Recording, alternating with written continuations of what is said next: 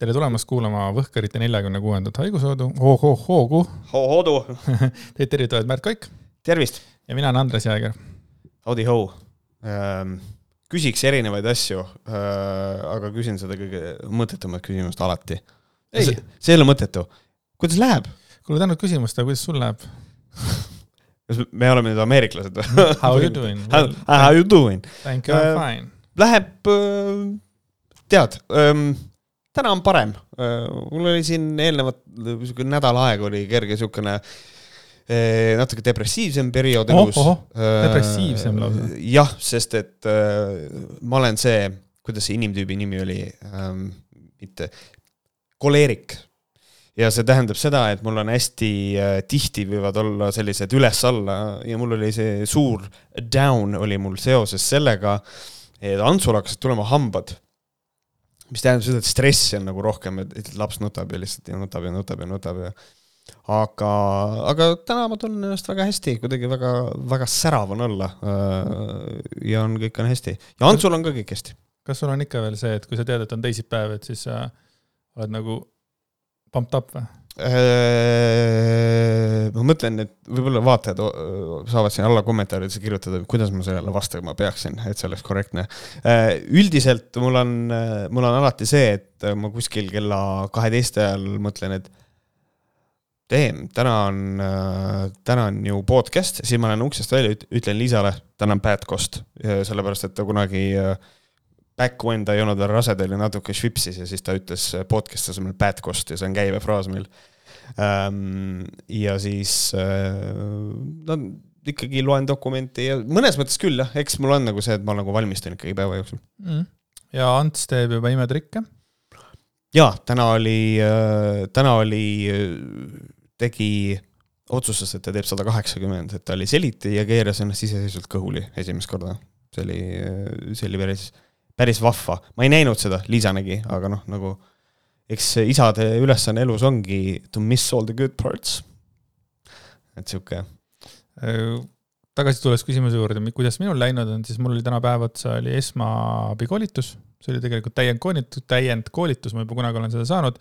hästi kiiresti lähevad asjad meelest ära, kui seda nagu ei kasuta ja siis mm. nagu minu kõige suurem huvi oligi ikkagi taas, taas see, et noh, alguses küsiti, et noh, mida te kõige rohkem tahaksite teada, mis kõige rohkem huvitab, ma ütlen kõik, mis on seotud lapsega kõik, kui midagi läheb kurku, kõik, kui on vaja elustada kõik asjad, et, et see nagu jälle, nagu jälle on hästi turvaline tunne, turvalisem tunne on jälle nüüd mm. -hmm. kui nüüd tead, ma ekstra jätsingi meelde, ahah, kui palju tuleb seda äh, südamemassaaži teha ja siis suust suhu ja, ja kõik need asjad, et et ma tunnen ennast nagu veits äh, educated taaskord. jah, äh, peaasi, et ei teki mingisugust sihukest äh haiglaslikud, noh, tahaks ju kurat proovida ka ja siis annad nagu lapsele mingisugust natuke sitkemat liha süüa, võta natuke söö, proovi seda näri, ei, ei pea hoolega närima. kas saab kasutada või ei saa, et see. ei, seda ei juhtu, tessu kass on lihtsalt pätt. kõik kassid on pätid minu arvates uh,. True, tegelikult uh, olen, olen sada protsenti nõus. nojah, okei okay.. kass ei allu. kass ei allu, aga äh, alustame sealt äh,, kus me eelmine saade lõpetasime sest et meie saade on nagu üks hea seriaal, mis, millel on paremaid hooaegu, halvimaid hooaegu ja hästi häid osasid ja veel paremaid osasid. jah, suht sihuke egolaks on, aga, aga, aga, aga tõesti, et me oleme Andresega tegelikult, meil peaks tegelikult võib-olla varsti tulema diplom mingilt kõrgkoolilt ka, et me oleme ikkagi juba professionaalsed pärnaloogid. et et, äh, et sihuke mm, Malle Pärn ikkagi käib nagu läbi ja tegelikult saime ka ühe kirja äh, ja loeme selle ka pärast ette seoses Malle Pärnaga. Äh, aga alustaks kohe siis siukse vahva natukene, noh, vana hea, mida Võhkrid ikka teevad, nad natuke vaat-, vaatavad, mis inimesed Facebookis kirjutavad. Andres, politsei me oleme, me oleme see Facebook police. Ähm, Andreas, mida siis Malle Pärn Facebookis kirjutas? Äh, Male Pärn kirjutas Facebookis, et on olemas teooria, mille järgi kõik partnerid jätavad inimesse jälje ja mõjutavad järglasi. jah äh,, nagu ikka, kuna ma olin enne selle asjaga kokku puutunud, selle teooriaga, siis ma äh, otsisin selle info kõik uuesti üles, et selline teooria tõepoolest on olemas. ja selline teooria on eksisteerinud meil tegelikult äh, väga kaua ja kui ma, kui ma ütlen väga kaua siis selle on välja käinud tegelikult selline inimene nagu, nagu Aristoteles juba. ehk siis see on meil ta on nagu ikkagi. Pele või midagi, vaata, tal ei ole seda teist nime, noh. jah et, et Aristoteles, kes meil siin ikkagi äh, nagu ikkagi väga kaua aega tagasi elanud. kolmsada kakskümmend kaks äh, aastat enne Kristust. just, just. Et siis terve selle aja jooksul on selline teooria olnud äh, ja selle nimi on, seda nimetatakse, ma eestistasin ära inglisekeelse termini, kui ma ei eksi, siis vist on tele, telegeny, mis on siis eesti keeles, ma loodan, on telegoonia. ehk siis see on teooria, mis väidab seda, et kõik seksuaalpartnerid jätavad äh, oma DNA-ga nagu jälje sinu sisse, muidugi noh, see on juba tänapäeva selline seletus tol ajal oli see natuke nagu, nagu lihtsamini selgitatud, aga et jätavad nagu DNA sisse ja siis, kui sa saad järglase ühel hetkel, siis kuigi järglase isa on, on noh, see isa, kes ta on, siis temas, sellel, selles järglases on endiselt sees mingid osad eelnevatelt partneritelt. see on siis see, mida see põhimõtteliselt nagu tähendab ähm,. nüüd ajalooliselt on seda teooriat äh, kummalisel kombel tegelikult äh, ikkagi nagu edasi nagu viljeletud sellepärast, et, et hoida nii-öelda mingisugust puhtust äh, ja eriti me räägime selle koha peal, me jõuame ka sinna, on selline rassiline puhtus, mis on nagu väga nagu, väga nagu rõve. See läheb sinna race realism alla juba aga põhimõtteliselt see on selline noh, endiselt jällegi asi, et naised ei tohi litsi lüüa, klassik, et ähm, kusjuures selle asja kohta uurides siis ma ka leidsin artikli, mis sellest rääkis ja see artikkel väitis ka, et noh, et see tähendab seda, et peab endale ikkagi leidma naise, kes ei ole teiste meestega väga palju maganud, seepärast et muidu see laps ei ole päriselt sinu oma mm. -hmm mis on äh, selline väga, kuidas ma ütlen, nagu konservatiivne, aga selline nagu pööraselt konservatiivne seisukoht, et et tegelikult äh, minu silmis nagu loogikaalaselt mina tahaks nagu öelda seda, et noh, selline asi, juhul kui see päriselt on nagu vastab tõele, siis see on evolutsiooniliselt üsna tähtis asi, sest et siis on olemas nii-öelda selline lisafaktor, mis nagu segab natukenegi inimese geneetikat, et meil ei oleks lihtsalt nii-öelda äh, selline purebred kogu aeg, mingi pure blood probleem, vaid et ongi, et eelmised partnerid natukenegi suudavad geenibuketti mõjutada, et mhm. mingisugused asjad kuidagi natukenegi säiliks ja, ja e, endiselt ei taha ümber lükata seda, et aga fakt on selles, kui sa teed DNA testi, siis nagu isa on ikkagi see, kellega see laps on tegelikult tehtud, et nagu need, isegi kui need asjad on päriselt olemas, need DNA jäägid, siis need on niivõrd minimaalsed, et väita, et see ei ole sinu laps, on, eeldab mingisugust, ma ei tea, väga kummalist, väga kummalist suhtumist, aga nüüd jõuame selle olulise asjani, telegoonia, kui see teooria, mida ka Malle Pärn siin nüüd välja tõi, siis tegelikult selle teooria juures on see, et seda on täheldatud mingisugust mingisugusel kuradi kärbsel, äh, mingi kahetiivaline on selline, ma isegi ei hakanud ladinakeelset nime endale siia üles kirjutama. kaheleetus, tiivalatus. Something, something such. Ähm, ja see oli siis, nagu ma ütlesin, see oli aastal kaks tuhat neliteist ja sellega asi piirdub et tegelikult inimeste puhul niisugust asja täheldatud ei ole, me võime öelda, et võib-olla uuringuid ei ole tehtud, ma arvan, et on, aga samas ma jään vastu, vastuse võlgu. aga see, kas see inimeste puhul nii on, sellel ei ole tõestust, see on teooria täpselt nii, nagu ka Malle Pern ütles. sa oled teinud oma kodutöö hästi ära. just. ja nagu ikka, meie läheneme nagu probleemidele täiesti erinevate nurkade alt Äh. Malle Pärn ju kirjutas, et on olemas teooria, mille järgi kõik partnerid jätavad inimesse jälje ja mõjutavad järglasi mm. -hmm. ma ei mõelnud kordagi, et ta räägib naistest. mina okay. mõtlesin seda ka, et, et noh, noh, siin ei ole öelda no,. ei ole jah? jah, et, et nagu, et siis minu küsimus on selles, et aga kui, kui ma olen kõva kepi vend, vaata, panen hullu, tõmban kuradi, kuradi panen hullu lihtsalt noh, terve elu ja mina ei tea, magan saja naisega, tuhande naisega. ja siis ma lõpuks leian selle, kes ma tahan, et kes oleks minu lapse ema. ja siis ma näen oma lapse näost kõiki yeah. naisi, kellega ma olen kunagi maganud või mm -hmm jah, okei okay., no siin on see, et mina näen alati asju läbi sellise, ma ei taha öelda intersektsionaalne prisma, aga nagu selline, et ikkagi ma eeldan alati erinevatelt teooriatelt ja süsteemidelt seda teatavat sellist seksismi alati, et siis minu jaoks. mina ka, sellepärast mulle see nalja tegigi, et ta ei ole seda, kui ta oleks öelnud, on olemas teooria, mille järgi kõik partnerid jätavad, jätavad naisesse jälje mm Mhm. -hmm. ja mõjutavad järglasi. aga kui tema ütleb inimesse, siis seda saab väga eriliselt, erinevat Jah, moodi jah, nagu jah. mõista, eks ole. ja, ja siis see panigi mind kukalt kratsima, et okei okay.. sellele vastas äh, Ivo Pill Facebookis, olen kuulnud, mõeldagi sellele on tibaõudne. Ivo Pilli käest tahaks küsida, miks jah, et miks see õudne on, aga, aga noh, me jõuamegi Ja siis- mingisuguse ja- puhtuseni. just, või siis ta siis eeldabki seda, et tema naise sees on käinud siis nii palju õudseid mehi või, mida siis ta ütleb siis see tema naise kohta, kui tema arvab, et see on tibaõudne. aga samas kui, naine eriti, ikkagi eriti, valis tema seda arvab, ja, ja eriti kui naine valis lõpuks tema, tõesti on tibaõudne. kui ta, kui ta Jah. nagu nii ütleb, onju. sellele omakorda vastas äh, Arvo Sagur pikemalt, just olen sellest varemalt lugenud ja see on üpriski loogiline neile, kes on geneetikast keskmiselt rohkem huvitatud. kohe segan vahele, et ta on varasemalt lugenud ja see on üpriski loogiline neile, kes on geneetikast keskmiselt rohkem huvitatud. ma ei saa aru, mis mõttes see loogilisem on. et see on loogiline neile. ei ole loogiline, miks ta peaks loogiline olema, selle tõestusmaterjali mitte midagi ei ole, et inimeste puhul selline asi oleks, mis asi selle loogiliseks teeb, jääb mulle arusaamatuks. aus. kui varasem partner on see N-tähega sõna, N-tähega sõna või kes tahes olnud, siis selle DNA jälg on juba naises ja mees, kes lapse viljastab, ei pruugi oma laste ära tunda. sest selles on just selle eelmise vahekorra või vahekordade jälg erinevate partneritega sees. jah, segaks jälle vahele ja ütleks seda, et äh, isegi nagu telegoonia raamistikus mõeldes ei vasta see tõele, sellepärast et see ei ole niimoodi, et kui naine on maganud mustanahalisega, ütleme isegi saja mustanahalisega, enne kui ta saab valge mehega lapse, siis see, sellest jutust tuleb välja nagu see, nagu laps peaks tulema, sündima musta nahaga, that's not how that works. et, et nagu selliseid asju juhtunud ei ole ja kui keegi väidab, et on, siis, siis sorry, sa ei ole tegelikult selle lapse isa, et nagu siin on juhtunud hoopis midagi muud aga nüüd ma küsin sinu käest kui nagu professionaali käest, et aga kui Malle ütleb, et kõik partnerid jätavad inimesse jälje, kas see tähendab seda, et äh, nagu lihtsalt nagu kehaline kontakt jätab jälje või ikkagi seemnepurse jätab jälje? Eh, nii palju, kui mina aru sain, siis see on ikkagi seotud otse ikkagi spermaga.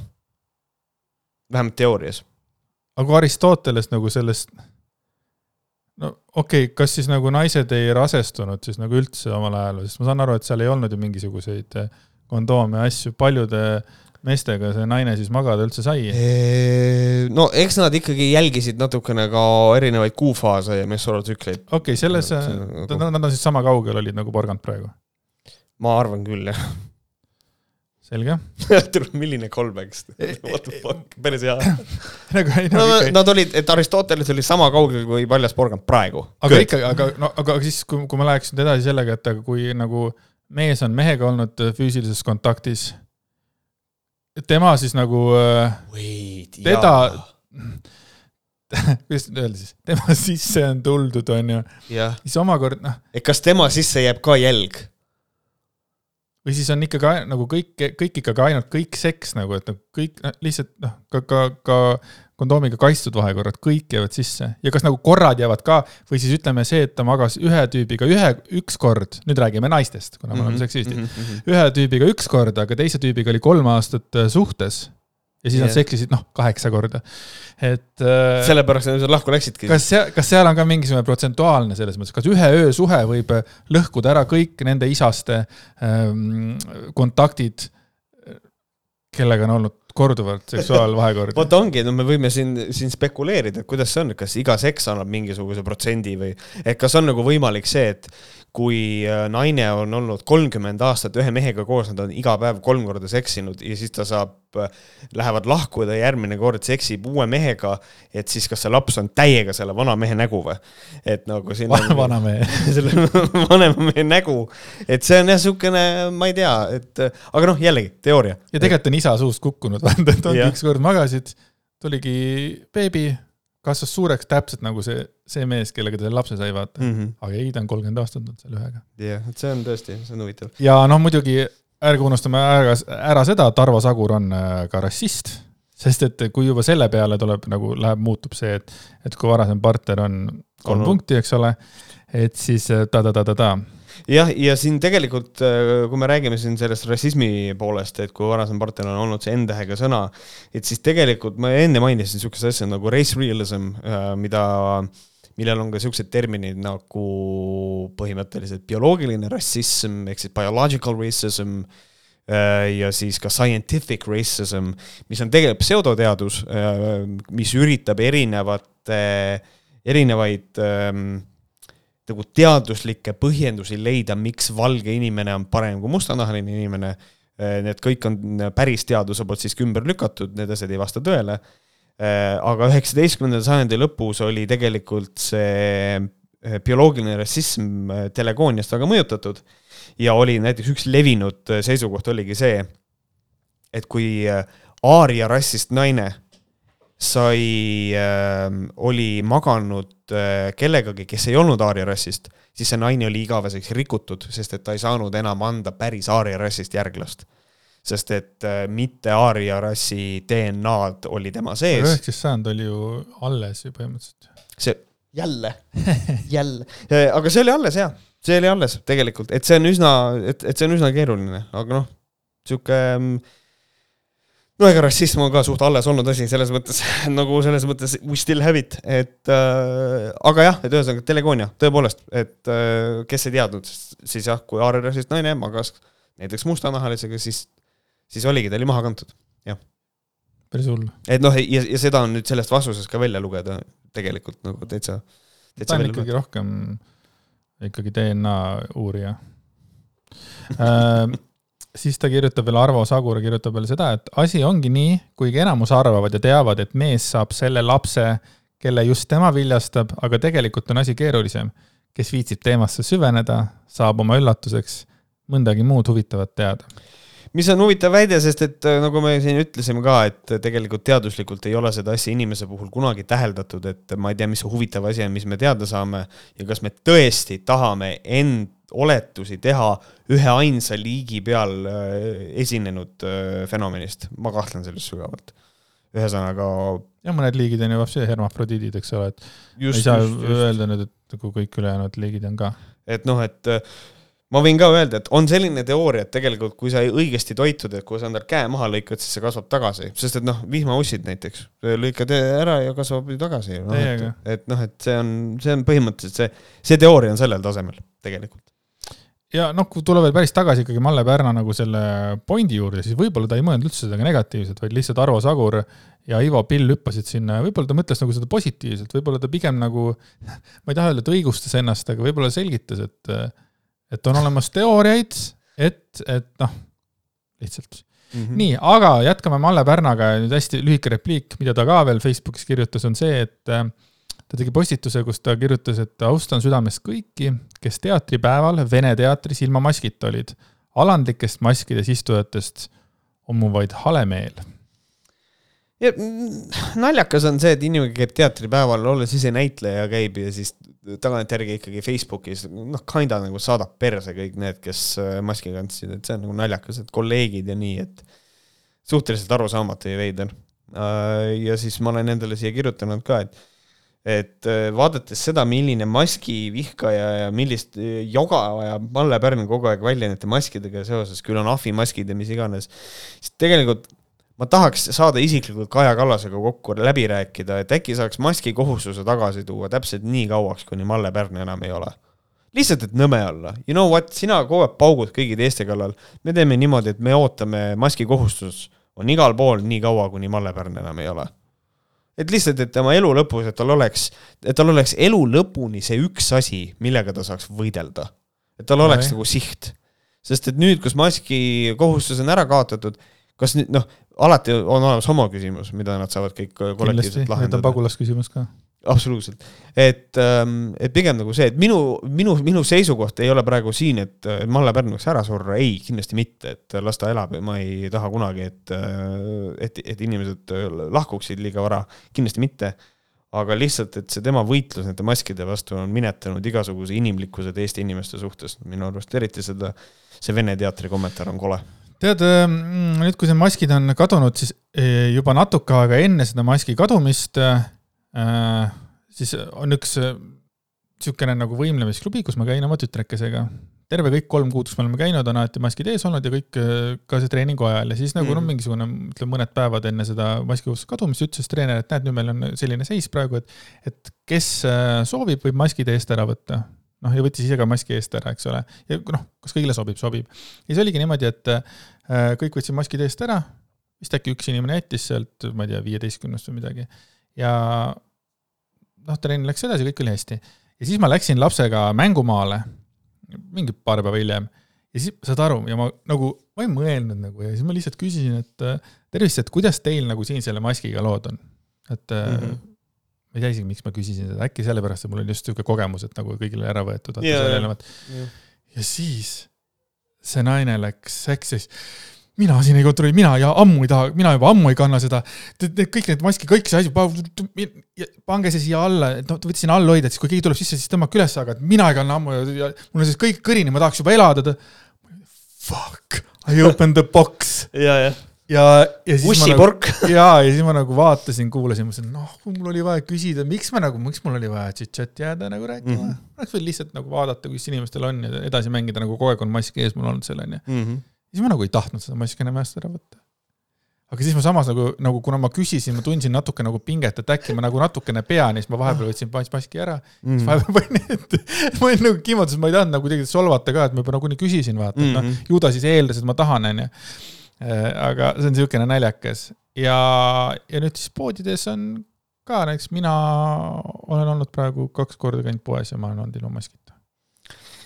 jah, see on niisugune selle maski kandmisega on nagu see, et mina praegusel hetkel, mina olen, ma ei ole poes päriselt nagu pikka aega käinud, ma, ma, ma arvan, et ma võib-olla paneks veel ette, aga samas ma ei tea, nakatumised on väiksed ja niisugune mõnus võlts, vale turvatunne on juba tekkinud, et noh, miks mitte, YOLO, I guess, YOLO. True, sa tegelikult oled minuga teinud ju kogu koroona aja koos saadet mm. -hmm. noh, ma ei tea, kui sa juba minuga koos oled, siis sa oled nende kõigiga koos olnud. jah, just et... aga liigume nüüd siis selle kirja juurde, mis on äh, erakordselt hea, ma ütlen juba ette ära mm. -hmm. ja see on seotud meie kangelannaga. lugupeetud võhkarid, sõitsin autoga koju, kuulasin teie neljakümne viiendat haigushoogu ja jõudsin teemani Malle Pärn ma läksin täiesti kettasse, ma muutusin järjest vihasemaks, kuulates selle inimese kohutavaid mõtteid. ma lihtsalt vandusin autos kõva häälega, see naine on leebelt öeldes haige, ta vajaks päriselt haiglaravi. Malle Pärna kiri oli minu jaoks tohutult solvav. olen kolmekümne aastane naisterahvas, töötan meedikuna haiglas, olen pärit kristlikust perekonnast ja olen kolme doosiga vaktsineeritud mul on väga piinlik, et Malle ja Varro sugused inimesed nimetavad end usklikeks. milline silmakirjalikkus. tahan igaks juhuks teile öelda, et tegelikult on väga mõistlikke usklikke ka olemas. oleme kursis. Mina veedan meditsiinitöötajana päevas keskmiselt viis kuni kuus tundi mask ees. Pole mingit probleemi, sest ma mõistan selle vajalikkust. kas ma olen sellepärast ori või ahv? kas ma alandan ennast patsientide ees, sest mul on mask? Kas ma olen väärtusetu oma elukutse valiku tõttu või seetõttu, et olen vaktsineeritud kes on Malle Pärn enda arust, et ta tuleb ütlema, et ma olen väärtusetu, alandatud suukorviga. ma olen kogu südamest häiritud. või kui Mallet häirivad riidekiud ja bakterid, siis tuleb tal õppida ära elementaarne hügieen, valida korrektne mask ja õppida kõigepealt kirurgilise maskide kandmise õiged põhitõed. kas ta, kas ta tõesti arvab, et kirurgid ja meditsiinitöötajad ei kuule teineteist ja ei saa hapnikku, sest neil on maskid ees see on päris hea.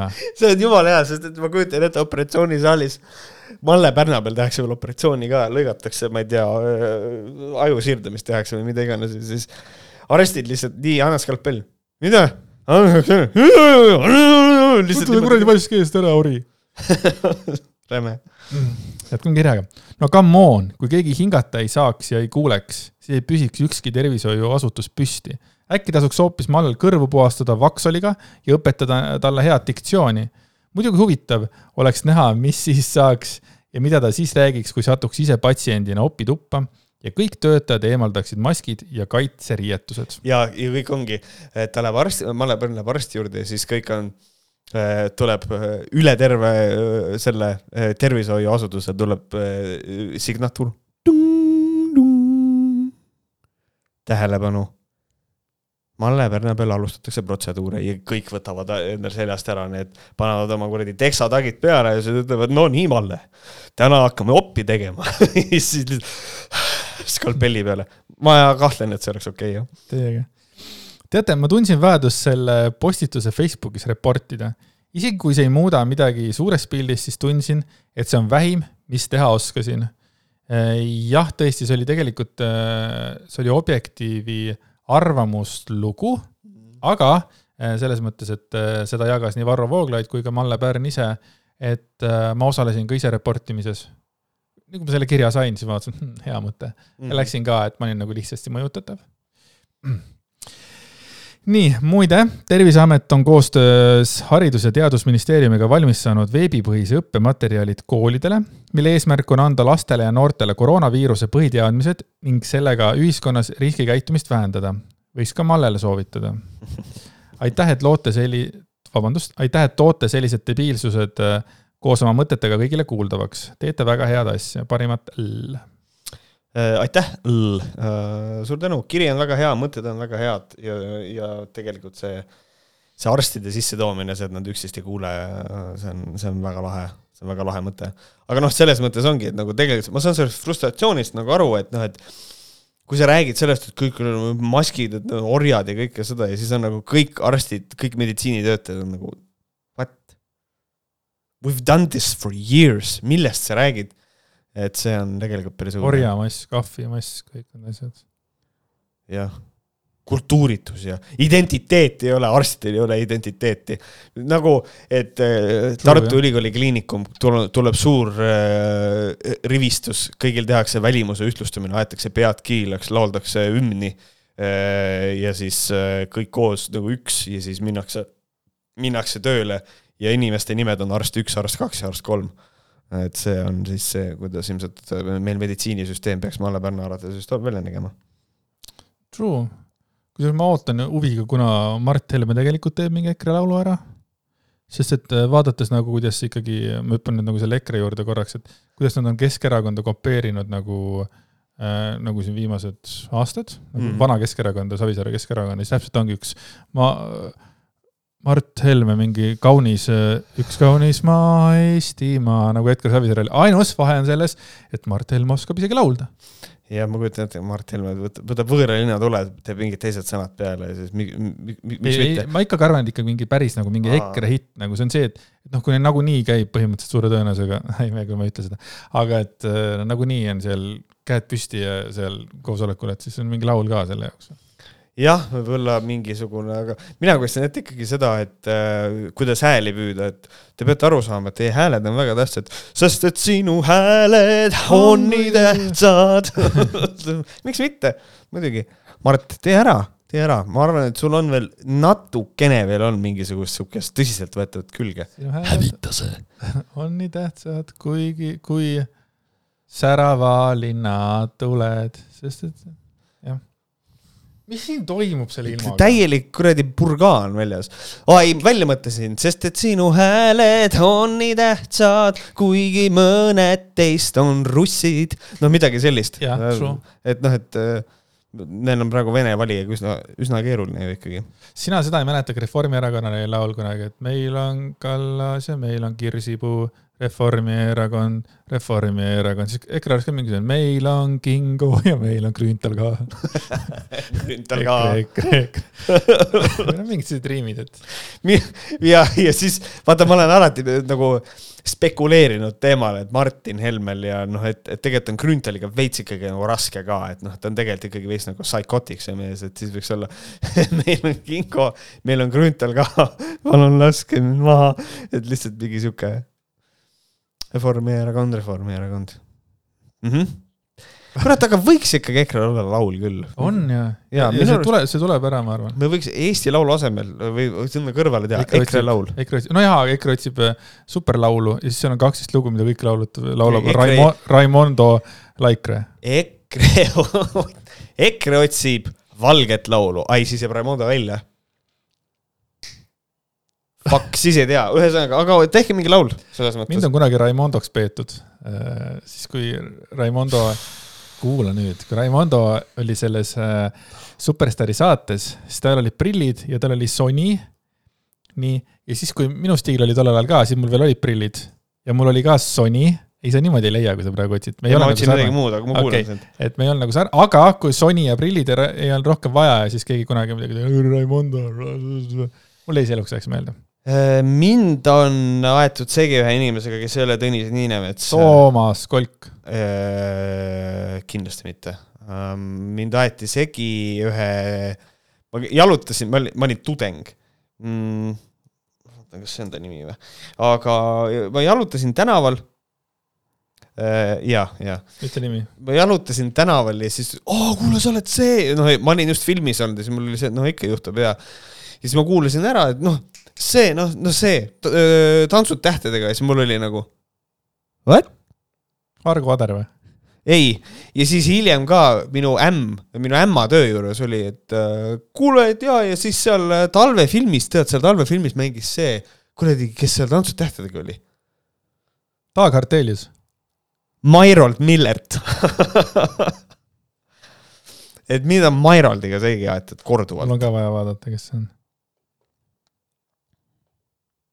Aga tõepoolest jah, mul äh, millegipärast. okei okay,, kui sa nüüd nii ütled. aga eelnevalt ma ei oleks selle peale mõelnud, aga kui sa ütled, et inimesed leiavad sarnasusi, siis sul tõesti siin midagi on. no olgu hea küll kaugelt aga, väikese pildi pealt, noh. aga Mairold äh, Millert äh,, kui kuulaja tahab äh, seda äh, otsida internetit. Et jah. mind on temaga segi aetud mm.. kas sind on kunagi ka Varroga segamini aetud? tahaks öelda, et jaa, aga, aga ega ei ole. kusjuures mina loodan seda kõige rohkem, mina tahaks, minu unistus on see, et tuleb välja saade, sinu uus sugulane. ja otsitakse Varro Vooglaiu sugulasi ja mina saan tulla lõpus suure üllatusena, et ma olen su sugulane. See oleks kõige, kõige, naljakam asi maailmas minul oleks ka, mul on ka kaks tükki kindlasti, kes ma arvan, et võivad olla minu sugulased.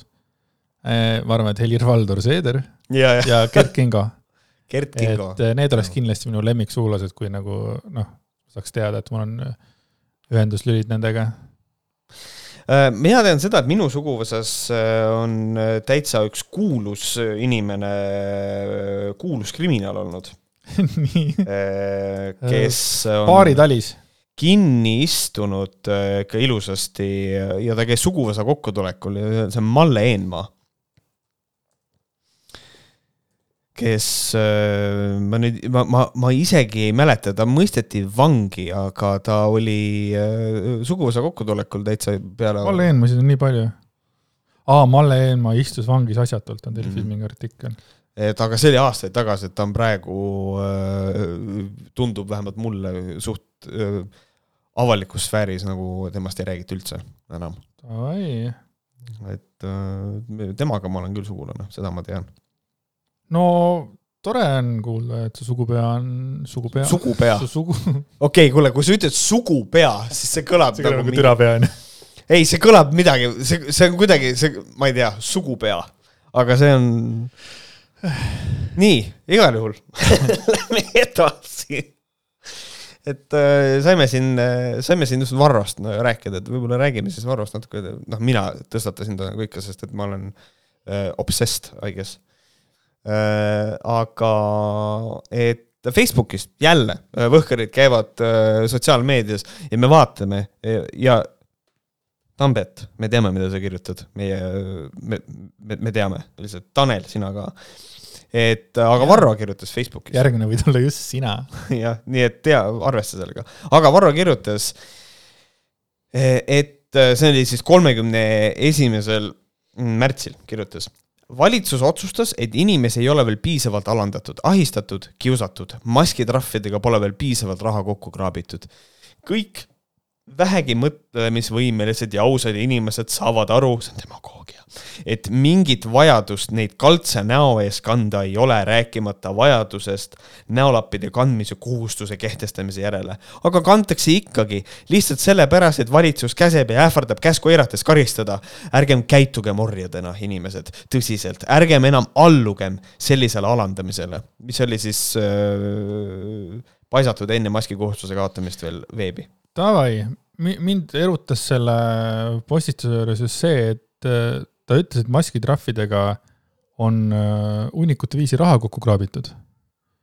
ja ma tahaks teada, kust on need andmed, tegelikult andmed, tegelikult ta nagu ikkagi jah, jäi selles mõttes äh, soliidseks ja ta ütles, et kas pole äh, piisavalt maskitrahvidega raha kokku kraabitud, et ta ütles piisavalt, ei olnud nagu nii palju aga mis andmed on Varro Vooglaiul, palju on maskitrahvidega raha kokku kraabitud mm, -hmm. kuhu ta kujutab, et see raha läheb, see on nagu järgmine küsimus. otse Soorose tasku. jah, ja mina tahaks ikkagi teada, et mis on see summa, seega ajakirjanikud, ajakirjanikud, olge head, palun uurige välja, ma ise ei viitsi. Äh, palju maskitrahvidega raha siis äh, kokku kraabiti? Varro, Varro on mure jah, just. muidugi ükskõik kui suur summa see tuleb, see summa tuleb hästi pisikene ja siis on ka, et see on vähe. oleks määrs, nii palju raha kokku kraabitud jälle. jah, sihuke, et, et, et jah, mingi raha kokkukraapimise probleem ikkagi on, et. huvitav, palju Objektiiv raha kokku kraabib? kahtlastelt inimestelt. ja, ja palju EKRE on äh, mustade maskide müümisega raha kokku kraapinud, huvitav jah, äh, ja Male Pärnal on seesama must EKRE mask kodus ja siis tal on kognitiivne dissonants ja ta lihtsalt ja siis kirjutab järgmise artikli selle pealt, niisugune tunne on. et, et tahaks teada küll, jah. ja siis ikka see ka veel, et aga kantakse sellepärast, et valitsus, et valitsus käseb ja ähvardab käsku eirates karistada. ärge käituge orjadena bla, bla, blablabla. et ma, e-, esiteks on nagu see asi, et mul nagu ei ole olnud probleemi selle maskiga ja kui ei ole olnud maskiga probleemi, siis nagu ei olegi olemas probleemi. mis tähendab, et kui ei ole probleemi, noh, ma ei tea, siis ma ei, ma ei tea, tunne, et ma tahaksin nagu võidelda asja äh,, asja vastu, mis minu jaoks ei ole problemaatiline või siis äh, ma ei tea, ma ei tunne ennast orjana, kui miski ei orjasta kui miski ei orjasta mind. jah, aga, aga, aga ma ei tea, no võib-olla siin ongi nagu need, et need inimesed, kes ikka tõsiselt on maskikohustuse vastu, aga kurat, muidu ei saa pokki minna ostma poodi, et siis äh, need on, panevad maski ette ja siis nad on nii suures ahastuses veel mitu päeva sellest, et äh, et täitsa võimalik. tundub, et Varral ikkagi ei ole eriti palju reach'i selles mõttes, kui ta nüüd siin päris nagu kaua on see maskikohustus kehtinud, et ikka ta peab veel kaks päeva enne maskikohustust, ärge palun kandke maski, jah, juba pikemat aega inimesed ei ole, või tähendab, noh, ei oleks pidanud sinu juttu karma, keegi ei viitsi kuulata enam seda sitaratast mm. -hmm. sita häda õigemini. või siis nüüd tuleb lossut. jah. et, äh, et niisugune ja, ja, ja minul on endiselt teooria, et tal oli valmis kirjutatud nii mõnigi postitus, millega veel paukuda, aga siis kaotati maskikohustus ära ja siis ta oli ka selle peale salty et, äh, et nojah, et siis nüüd on, nüüd on noh, et noh, mis tal nüüd edasi, homo küsimus või, või kuhu me siit edasi läheme, et ilmselt äh, noh, kindlasti. praegu on pagulaste teema. ilmselt küll jah, et ilmselt see äh, ukrainlaste sissevool on järgmine asi, et ta siin juba Orbanit väga kiidab ja, ja räägib siin niisugust huvitavat juttu, et noh, et eks siin mingi selle pagulase peale see asi läheb mm. -hmm. aga siis kolmandal aprillil Markus Järvi äh, tegi põhjapaneva mõtteavalduse, nagu mul on dokumendis kirjutas. Vesaris ka veel. Facebookis, loomulikult noh, kus siis mujal, eks ole, me oleme ikka võhkrid. ja Markus kirjutas järgnevalt. täna saame siis teada, mida suurem osa inimesi tegelikult kartis. kas A, tapvat ja laastavat viirust või B, trahvide ja politsei ebamõistusliku ressursi kasutusega peale surutud valitsuse türanniat pange tähele, Markus Järvil on ainult äh, nagu kaks varianti, see on kas, et see ei ole isegi nagu must ja valge, vaid siin on ikkagi nagu must ja must nagu, et mm, -hmm. et äh, noh, küsimus on nagu aus, aga mind nagu häirib jälle see nagu see rünnak nagu inimeste pihta nagu, kes siis nagu ma ei tea, siis a la kas siis kartsid tapvat äh, viirust või siis äh, ei tahtnud politseilt tema vastikku trahvi saada või siis noh, mis, mis iganes põhjused need veel on mm. -hmm. et mind häirib see, et nad lihtsalt muudkui järjest ründavad kõiki inimesi nagu selle eest, et nad maski nüüd kandsid. tekitavad halba tunnet. jah või siis nagu teine variant on see, et noh, siin ma saan, ma, ma saan nagu aru, et see, see variant B, trahvide ja politsei ebamõistusega ressursikasutusega peale surutud valitsuse türanniat on tegelikult, see on hästi sõnastatud selles mõttes, et et kui, äh, et noh, mõni, ma võin öelda, ei, aga mõni inimene kandis maski sellepärast, et ta ei viitsinud poes plõksida inimestega, pani maski ette, käis poes ära. aga siis noh, see läheb sellise üldise türannia alla ikkagi, et noh, et see on tal sõnastatud, on seda. kas läheb või? kui inimene ei viitsi asjaga tegeleda? Eh, läheb ikka, selles mõttes tema vabandab selle välja, kui mina oleks Markus, ütlen no jaa, aga see on valitsuse poolt kehtestatud äh, ettekirjutus kaubandusettevõtetele nõuda maski ja see on valitsuse türannia ja, ja põhimõtteliselt äh, sellega vabandab selle ilusasti välja. aga, aga ta jätkab ka seda, et äh, kui maskid on kadunud, järeldub sellest variant B, sest viirus ise pole ju päevaga kuhugi kadunud, ühtlasi järeldub sellest, et suurem osa inimesi ei pea viirust sugugi eriti ohtlikuks ja tapvaks, vaid peamise ohuna nähtakse valitsust ja tema vägivalla monopoliga äh, jõustatud korraldust millele hirmus trahvide ja pahanduste eest pahanduste ees allutakse. ja oligi see pahanduste ees, jah mm. -hmm. ja et äh, tegelikult äh, on siin nagu selline asi ka, et ta jätab äh, väga sujuvalt ja noh, meelega välja selle, et inimestel on teatud vabanemise tunne, ehk siis rääkimata sellest, et me oleme nüüd kollases, nüüd enam maskikohustust ei ole, see annab inimestele üldiselt signaali, et nüüd on olukord palju parem ja maske nagu võib-olla ei olegi vaja kanda. et, et inimestel on teatud selline pingelangus, äh, natukene ülendatud turvatunne, et mina ei imesta üldse, et on väga vähe maske poe sees ma ei imesta seda absolli. ja siis tekib see, et inimesel on see, et oh, ma saan ilma maskita poes olla, ma käin ilma maskita poes ja sa harjud sellega ära ja sa ei panegi seda maski enam ette, et minu arust on see ainult loogiline. aga nad on väga ilusasti leidnud mingisuguse narratiivi, mida sinna külge nagu pookida, et selles mõttes on samm nagu hea Äh, äh, poliittehnoloogiliselt on äh, see nende poolt hästi kirjutatud, aga see ei ole küll minu arust reaalsusega kooskõlas. aga no muidugi see tapva viiruse asi ka veel, et ikka no praegu veel suruda see tapva viiruse, et selles mõttes, et, et kui nagu, mis ta on, omikron, omikron on, on palju nagu kergem tüvi ja, ja selles mõttes inimesed põevad kergelt läbi minul praegu järjest tutvusringkonnas järjest kõik põevad lihtsalt selle läbi, et laias laastus ei tundnudki midagi, onju. Mhm. et siis. Äh, aga need, kes ka... on haiglas, neil on perses ikkagi. Nendel on perses. et, et ka see tegelikult. mitte ikkagi... siis see viirus, see hingamisteedes endiselt. et see ka ikkagi nagu süvendab ikkagi seda et noh, tõesti, et, et me enam ei karda tapvat viirust niimoodi, nagu ütleme, me, ma räägin me nagu siis ütleme üldiselt, et kui siis noh, mõni aeg tagasi, kus see oli nagu ikka väga väga, väga, väga karm, karmide tagajärgedega, onju. Mhm. Nemad saavad nüüd trummi põristada, et me oleme kogu aeg rääkinud umbes. jep, jep, jep, jep. aga noh, siis äh, viimane Facebooki äh, mõte on siis äh, Veiko Viho, Veiko Vihuri äh, Facebookist, kes on seotud Markus Järvi ja, ja Varro Vooglaiuga ja tema kirjutas, et Ukraina põgenike vastuvõtmine tuleb kohe peatada, see, mis toimub, on Eesti riigi vastane tegevus ja riigireetmine mis on julge, julge väide ja lihtsalt, kes veel ei tea, siis Veiko Vihuri on andunud jumalasulane mm. -hmm. ja mul on erakordselt veider äh, lugedes sellist lauset sellise inimese sulest tegelikult.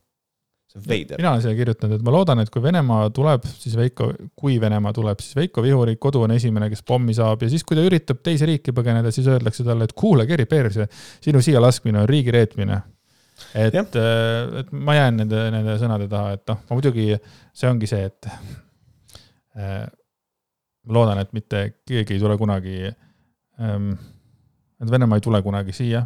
Mm. ja noh, selles mõttes, et no hirm on nagu olemas selles suhtes, aga lihtsalt selline nagu jumala sulase poolt sellised, sellised asjad, et riigi reetmine on see, kui me võtame Ukraina põgenikke vastu, et siis äh, täiesti putsis, nagu äh, ta peaks kohe selle krae ära viskama selles mõttes. ta ei vääri jumala sulase nimegi tegelikult. see on ikka päris nagu julm jah, et see on nagu mind, mind nagu üllatas, ma nägin seda, kas, kas Twitteris keegi seda ikkagi jagas või kus ma seda nägin ja ma olin ikkagi täitsa nagu vait, aga kuidas nagu, aga see on ju päris ju räige süüdistus, et nagu riigi reetmiseks seda nimetada on mulle arusaamatu. et võetakse vastu inimesi, kes on kaotanud enda kodu, on kaotanud mm -hmm. kõik, nende mehed on sõjas või siis juba hukkunud. noh, me seda ei tea, sest enamasti, nagu ma aru saan, on tulnud ju, või noh, vist ongi tulnud siis nagu naised ja siis alla vist äkki kaheksateistaastased lapsed või mm -hmm.? jah, minu arust küll, jah et see on. et ma tahan, lihtsalt, lihtsalt nad paneks nagu siis nagu ukse kinni, et mis ta paneks siis nagu, et tema oleks seal ukse, ukse peal, tema oleks seal piiri peal või kus iganes ja ei tule. ei tule. või laseks tõh-tõh-tõh-tõh maha seal või? või mis ta, mis ta nagu teeks, mis see tema siis nagu lahendus on? suunake kuhugile mujale või? ma ei tea, kas need, et kas Ukrainast ei tule ka nagu jumala lapsed või? ma ei tea. ai, Veiko Vihur keri perse täielikult sa oled nõme, sa viska see krae ära lihtsalt nagu. mis on nagu, mis on nagu eriti nõme, on see, et USA poolt mingisugused usklikud äh, orga-, orgid nagu ikkagi ka lükkasid äh, Poola piiri peale oma inimesed välja, kes äh, sõjast põgenike peale hakkasid neile mingisugust äh, bränditud kristlust ka pähe määrima seal, mis oli ka nagu päris inetu, et äh,, et usu Jeesusesse ja sul on parem ja mingisugune niisugune asi, mis oli päris õudne et ähm, päris kole vaadata. aga asjadest äh, natu-, lähme nüüd natukene huvitavat, huvitavate teemade peale, et sõjast natukene rääkisime, äh, sõda on kole, äh, viimasel ajal võtnud eriti koledama sammu seoses massimõrvade ja kõige sellega mm., millega kusjuures mina tabasin ennast selliselt mõttelt, et et mina tunnen seda, et seoses selle viimase massimõrvaga, mis nüüd aset leidis, mina tunnen, et mul on mingisugune moraalne mm, selline reserv, moraalse suhtumise reserv hakkab tühjaks saama. et, et ma tunnen seda, et mingil hetkel Vene kodanikud, me saame sellest aru, kõik Vene kodanikud ei ole Putini režiimi toetajad. Äh, öelda seda, et need kõik on, on, on vale, aga ma tunnen seda, et vaadates sõjaväetegevust ja Venemaa tegevust, ühel hetkel lihtsalt ma, mul kaob ära kaastunne selle Vene Föderatsiooni kodaniku suhtes, kes on ka Putini vastane. et sorry, sinu riik tegeleb sellise asjaga, eh, see on genotsiid ja mul lihtsalt tekib tunne, et lihtsalt, aga äkki lihtsalt me karpet pommime terve Venemaa pil-, pilbasteks. et äh, mingisugune reserv saab tühjaks ja lihtsalt tekibki selline lihtsalt sihuke ühtlane venelase mass nagu, mida, mis on lihtsalt õel ja paha. et mm., et ma sellest johtuvalt äh, olen võtnud äh, endale ka seisukoha, et ma võib-olla natukene vähem tahaks tegeleda selliste asjadega äh, ja neid uudiseid, uudiseid lugeda. jah, vaata, kui me sinuga viimati sellest rääkisime, siis ma ütlesin sulle ka, et see ei ole ainult Putini sõda, et see on mm -hmm. juba nagu, et seal on väga suur osa, kes toetab Putinit, eks ole, et ei ole see vene rahvas nii süütu midagi, päris nende, mitte samade sõnadega, aga mõte jäi samaks mm. -hmm. et. Ja no ja see on ka see, et seal tuleb aru saada, et nad on meediaruumis, mis on kogu aeg, peseb ajusid ja kõike seda, aga still, jah. Mhm. et äh, ühtepidi mul on hea meel, et sa nüüd siis oled ka minu paati tulnud. no ma üldiselt ei taha olla selle, selles paadis. ma saan aru, sest ma ka ei taha olla, ma tahaks ka, et see oleks Putini sõda. aga ma saan, ma, ma, ma saan sellest aru aga nagu saime selle sõjamõtte kõrvale, praegu räägime nüüd natukene sihukesest asjast, kus mina olen ka käinud, olen olnud ka esineja nagu Arvamusfestival ma mõtlesin, sa oled Telegrami podcast'is käinud ei et Arvamusfestival, kes äh, ilmselt äh, praeguseks. kuna sa käisid uh,? Uh, uh, ma ei mäleta, mitu aastat tagasi see oli um,. millest sa rääkisid? naiste ajateenistusest see on nii sinu teema kuidagi. see, see on täiega minu teema. see on täiega minu teema, see on alati, kui, kui on ajateenistuses, oota, aga Märt on see, kes ütleb, et naised peaks käima. see on, see on mitu korda üles tulnud. nii, aga ma luban sul jätkata et äh, Arvamusfestival, mis on siis nii-öelda erinevate, noh, tsiteerides Varro Vooglaidu või parafraseerides oleks täpsem öelda, selline liberaalide vasakpoolsete pidu, on ju ehm,. Mis et... tegelikult ei ole ju, seepärast et äh, alles eelmine aasta veel istus Martin Helme koos äh, Helir-Valdor fucking Seederiga seal laua taga ja nii edasi. absoluutselt. Ehm, ja põhimõtteliselt siis äh, festival, kus arutatakse erinevatel ühiskondlikel teemadel seal on paneeldiskussioonid ja nii edasi. ja see aasta on siis koroonakriisi teemaline arutelu. Ja kes hoolega kuulas, äh, millele viitas siin Andreas just natukene aega tagasi, siis esialgne luba on antud ühele portaalile, et korraldada koroonakriisi teemaline arutelu ja selleks portaaliks on fucking Telegram. ehk siis Hando The Tõnumaa Telegram ähm, ehk siis ühed suurimad koroonaskeptikud, kes räägivad, et koroona on skämm ja fake ja on pandeemia, äh, korraldavad äh, koroonakriisi teemalist arutelu, which is insane to me. ma, ja ma olin, äh, kui ma nägin, ma nägin seda tweet'i, mille Martin Laine tegi, et, et see ei ole aprillinali. ja siis ma lugesin seda tweet'i, mõtlesin, et oota, et aga, aga on aprillinali või ei ole tegelikult ja siis tuleb välja, et ei olegi. Fuck me, insane. et, äh, et see on crazy, et noh, näiteks mm, Telegrami portaali eestvedaja Hando Tõnumaa äh, on öelnud taskuhäälingus, noh, needsamad, sõjad on hauks, maa on lame, koroona on pettus. ja vahetult pärast seda teeb kaassaatejuht Mariann Joonast kuulajatele teatavaks rõõmsa uudise, et Telegrami portaal korraldab Arvamusfestivalil arutelu koroonakriisi teemadel ja see on minu arust veider ja ma ei saa sellest aru, miks see nii on. Ehm, mul on õhkõrn lootus, et no ma saan aru, et see on esialgne luba. Ehm, vist raudpolt kindel see vist päris ei ole, aga lihtsalt the consideration is weird aga mul on selline tunne, aga mis siis saab, kui nad saavadki selle loa ja siis on lihtsalt see, et nad kutsuvad sinna eksperdid kokku, kes lihtsalt teevad nad maatasa, et see oleks ka naljakas, aga teisest küljest Ando Tõnumaad ja Mariann Joonast on väga keeruline maatasa teha noh ähm,, minu jaoks oli veits üllatav see, et Martin Laine oma artiklis tõi nagu siis äh, mm, need äh, Hando Tõnumaa ja ütleme nende ütlused siia, ma kohe ütlen ka miks. et mm -hmm. näiteks Telegrami podcast'is on öeldud, et Irja Lutsar on patoloogiline, kas Irja Lutsar on patoloogiline valetaja või lihtsalt dementne jääb hetkel saladuseks. kas Arkadi Popcorn Popov on idioot, Krista Fischer, Fritz, Maarjo Kadastik, Bombastik, üks pime, teine kurt üheskoos, ületamatu pseudoteadlaste tandem. kas selliste, kas see on nagu vajalik praegu selles kontekstis, milles ta artikkel on küsin sellepärast, et kui näiteks mm, teeme näo, et võhkarid sooviks äh, arutleda, ma ei tea, no millegi, ma ei tea, konservatiivsete eluviiside üle, mis iganes, on ju. ja, ja, ja siis tehakse artikkel selleks ja, ja siis rünnatakse meid, et, äh, et Märt Koik ütles äh, kellegi kohta munn, Andres Jääger ütles, et keri perse tollele ja tollele. mida see nagu, nagu juurde annaks, kas siis oleksime meie ka äh, Äh, mittekõlblikud, sellepärast et me oleme midagi öelnud või mm.? või on praegu puhtalt asi ainult fucking Telegramis? Ma arvan, et asi on, ma arvan, et asi on Telegramis ja ma arvan, et asi on sellises üldsuse käest küsimuse küsimises või sellises küsimuse püstituses, et kas äh, väga suure nagu valeuudiste ja koroonaskeptikute poolt on korrektne sellist paneeli seal juhtida, sellist teemat seal juhtida, eh, võttes arvesse neid asju, mis nad on öelnud, et ma leian, et küsimus on, on aus ja ma leian, et kui meie kohta esitada samasugused küsimused, siis on, siis on see ka aus. ja ma, mina olen alati valmis oma seisukohti kaitsma. küsimus on selles, kas siis nagu me ei ole siis ka äh, väärtuslikud siis oma seda paneeli siis tegema. sest me oleme mingeid asju öelnud ja oleme mingite asjade kohta olnud väga kriitilised. ma ütlen, ma nagu ei kaitse selles mõttes nagu. ei, ma saan aru, mida. Hando Tõnumaad ja Mariann Joonassad on teinud rõvedat tööd sellega. Lihtsalt ma küsin. see on nagu see vana hea see, ma küsin küsimusi. ma ainult küsin küsimusi. aga päriselt, ma küsin küsimuse praegu mm selles mõttes ükskõik, kes äh, mingit paneeli ja asja tahab juhtida, siis kellegi jaoks on ta kõlbmatu.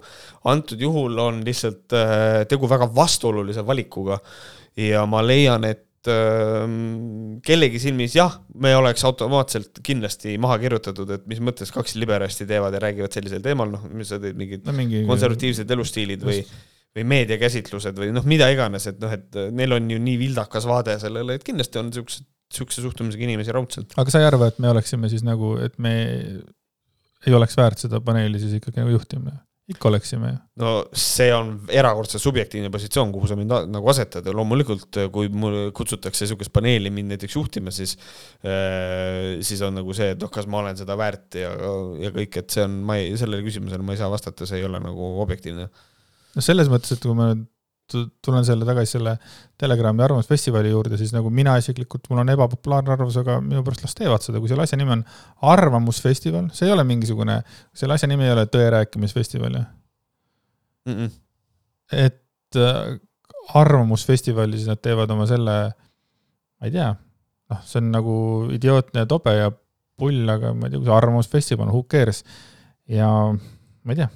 jah, no neil on põhimõtteliselt, kui ma nüüd õigesti aru saan, siis äh, neil on see asi niimoodi, et nad pakuvad ilmselt välja oma mingid spetsialistid, kes nendest asjadest räägivad äh,, ma olen suht kindel, nad kutsuvad sinna Janika Veski ka äh,, tahavad kutsuda vähemalt, et äh, aga tegelikult Arvamusfestivalil on äh, vist ikkagi lõppsõna, et kes sinna saab tulla ja kes mitte, et et nad tahavad sinna arvamuste paljusust ja kõike seda et mõnes mõttes äh, ma tegelikult, ma ei saaks öelda, et ma olen sulle ideoloogiliselt väga vastu, et nagu selles mõttes, kui nad annavad seal erinevatele inimestele sõna, siis miks mitte ja tehke ära, peaasi, et on hästi tehtud.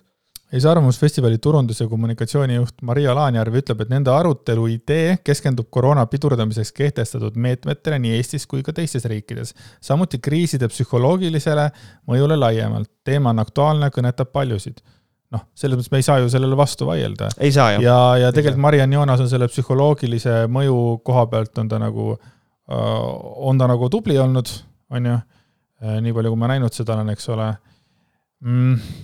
samas siis see pressiesindaja ütleb, et vandenõuteooriate levitamist Arvamusfestivalil me ei aktsepteeri ning oleme täielikult ja läbinisti tõenduspõhise arutelu poolt, mis tähendab omakorda, tegelikult peaks ära siis ikkagi lööma, siis ei ole, nad ei oleks pidanud üldse Telegramile sellist võimalust andmagi. see on et... nagu see probleem, mis mul tekib. jaa, sest et nagu selles mõttes, kui sa hakkad rääkima maskide kasulikkusest, äh, mingi kasutegurist, siis nad äh, lükkavad selle mingisuguse pseudoteadusega ilmselt ümber seal, äh, mis ei vasta tõele, et nagu see on, see on et siis ongi niimoodi, et kui te üldse siis sellele käpad kokku põhimõtteliselt lööte selle Telegrami tiimiga, kui tegelikult ta ütleb, et vandenõuteooriate levitamist ei aktsepteeri ning oleme täielikult ja läbinisti tõenduspõhise arutelu poolt, siis on cancel ja siis ongi kõik, joo. mida me mm. üldse arutame siis nagu, milleks üldse on vaja siis visata selline kuradi oks vette, ei ole õige sõna, ma ei tea aga see, aga alates tänasest on, et milleks visata oks vette äh, by Andres Jääger Eh, Piret Ropsu võttis eh, ka sõna sellel teemal, Piret Ropsu on siis üld, üldsusele tuntud kui see perearst, kes oli hambus sellistel antivakseritel sellepärast, et ta ütles Pohhu pole või? Poogen. Poogen. Poogen pole, et natukene antikehasid rinnapiima läheb, sest et tegelikult ongi jumala poogen, aga, aga see selleks. Ja mm, ja ta ütleb niisugust asja, et olen alati arvanud, et Arvamusfestival on kõrgetasemeline ideede vahetamise koht. kas just kõrgetasemeline, võttes arvesse, mis seal on olnud, EKRE telk on ka seal kohapeal olnud, et ta ei ole kunagi olnud väga kõrgetasemeline, et seal on nagu naljakaid seisukohti olnud ka. jah, see, ma mõtlen ka, et kõrgetasemeline ideede vahetamise koht ongi see, et kui seal on ka salvestatud näiteks, ma ütlen, mitte mingit dissimist nagu äh, mingile teisele podcast'ile, kui see on lihtsalt lindistatud ühte podcast'i, kus lihtsalt äh, naised räägivad omavahel juttu, räägivad seksist, teevad mingit nalja, värki, särki. et see nagu selles mõttes nagu sobib siis. aga see ei ole ju tõenduspõhine, nagu tegelikult siis see pressinõunik ennem ütles, eks ole. ja nüüd siis äh, Piret Ropsul on mingisugune kujutelm, et see on kõrgetasemeline ideede vahetamise koht. samas Piret Ropsu ütleb seda, et äh, praegune otsus lämmastab selle arusaamise, see on sama kaalukas valik, kui AIDSi ennetuse konverentsile kutsuda HIV-i eitajaid. selle vastu ma ei vaidle, see on jälle mm, -hmm. see, see on jälle väga hea argument, selles mõttes absoluutselt, vaata. ma olen nii nagu kaheks tõmmatud sellega, et nagu. jah, ja siis Tartu Ülikooli sotsiaal- ja kommunikatsiooniteadlane MMM ehk Maria Murumaa-Mengel Äh, et kui lähtuda eesmärgist näidata arvamuse paljusust, võib sellist otsust justkui mõista, et, et, et see on ka jälle nagu hea tähelepanek. ja nagu minu teatav lootus ongi nagu selles, et nad korraldavad selle ja nad, nende see narratiiv, mida nemad usuvad ja mida nemad push ivad, et see ikkagi see äh, saab seal veits nagu vasta sõrmi või nagu inglise keeles öeldakse I hope they get their shit pushed back in. et ma loodan, et sealt leiab aset nagu selline asi ja siis siin on niisugune lause ka, et äh, vaatan, kelle, Piret Rospuu oli see, kes ütles, ei, Mengele ütles, et äh, tema sõnutsi on küsimus eelkõige selles, kas alust äh, on uskuda, et korraldajate kirjeldatud hea tava kokkuleppes ka tegelikult peavad. Et siis noh, seda ma olen, seda ma olen kirjutanud, ma luban, et need ei pea, ilmselgelt need kokkulepped ei pea, et ei hakata rääkima vandenõuteooriatest või mitte nendest tõendatud asjadest, aga, aga kui nad ikkagi teevad selle kokkuleppe ära, siis minu küsimus on selles, nad hakkavad seda Majorupit ajama, on ju. Mm. mis nad teevad, tõmbavad siis, rahvas vaatab, kõik kuulab, kõik on huvitatud siis tõmbavad lihtsalt nagu juhtme seinast välja või? mida, mida on Ando Tõnumaal ja Mariann Joonaselt kaotada? vot ma mõtlen selle... sama, et mul on ka, et, et siin selgitatakse ka, et Telegramil on maikuuni aega, et täpsustada arutelu sisu ja saata arutelus osalejate ja arutelu juhi nimed. ja arutelu juht ehk siis moderaator, et äh, arutelu juhte saab olla ainult üks ja see on kas äh, Joonas või see on Tõnumaa.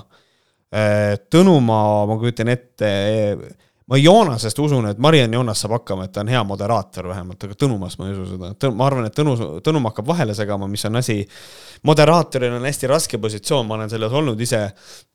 Moderaator ei tohi põhimõtteliselt väga palju, ta võib, aga ta peab võimalikult vähe enda asja peale suruma, vaid ta peab vestlust juhtima, okei okay.. sina ütled nii mis sa vastu räägid, moderaator võib-olla viitab mingisugusele teadustööle, mida tema on lugenud ja siis küsib mõlemalt poolt kommentaare.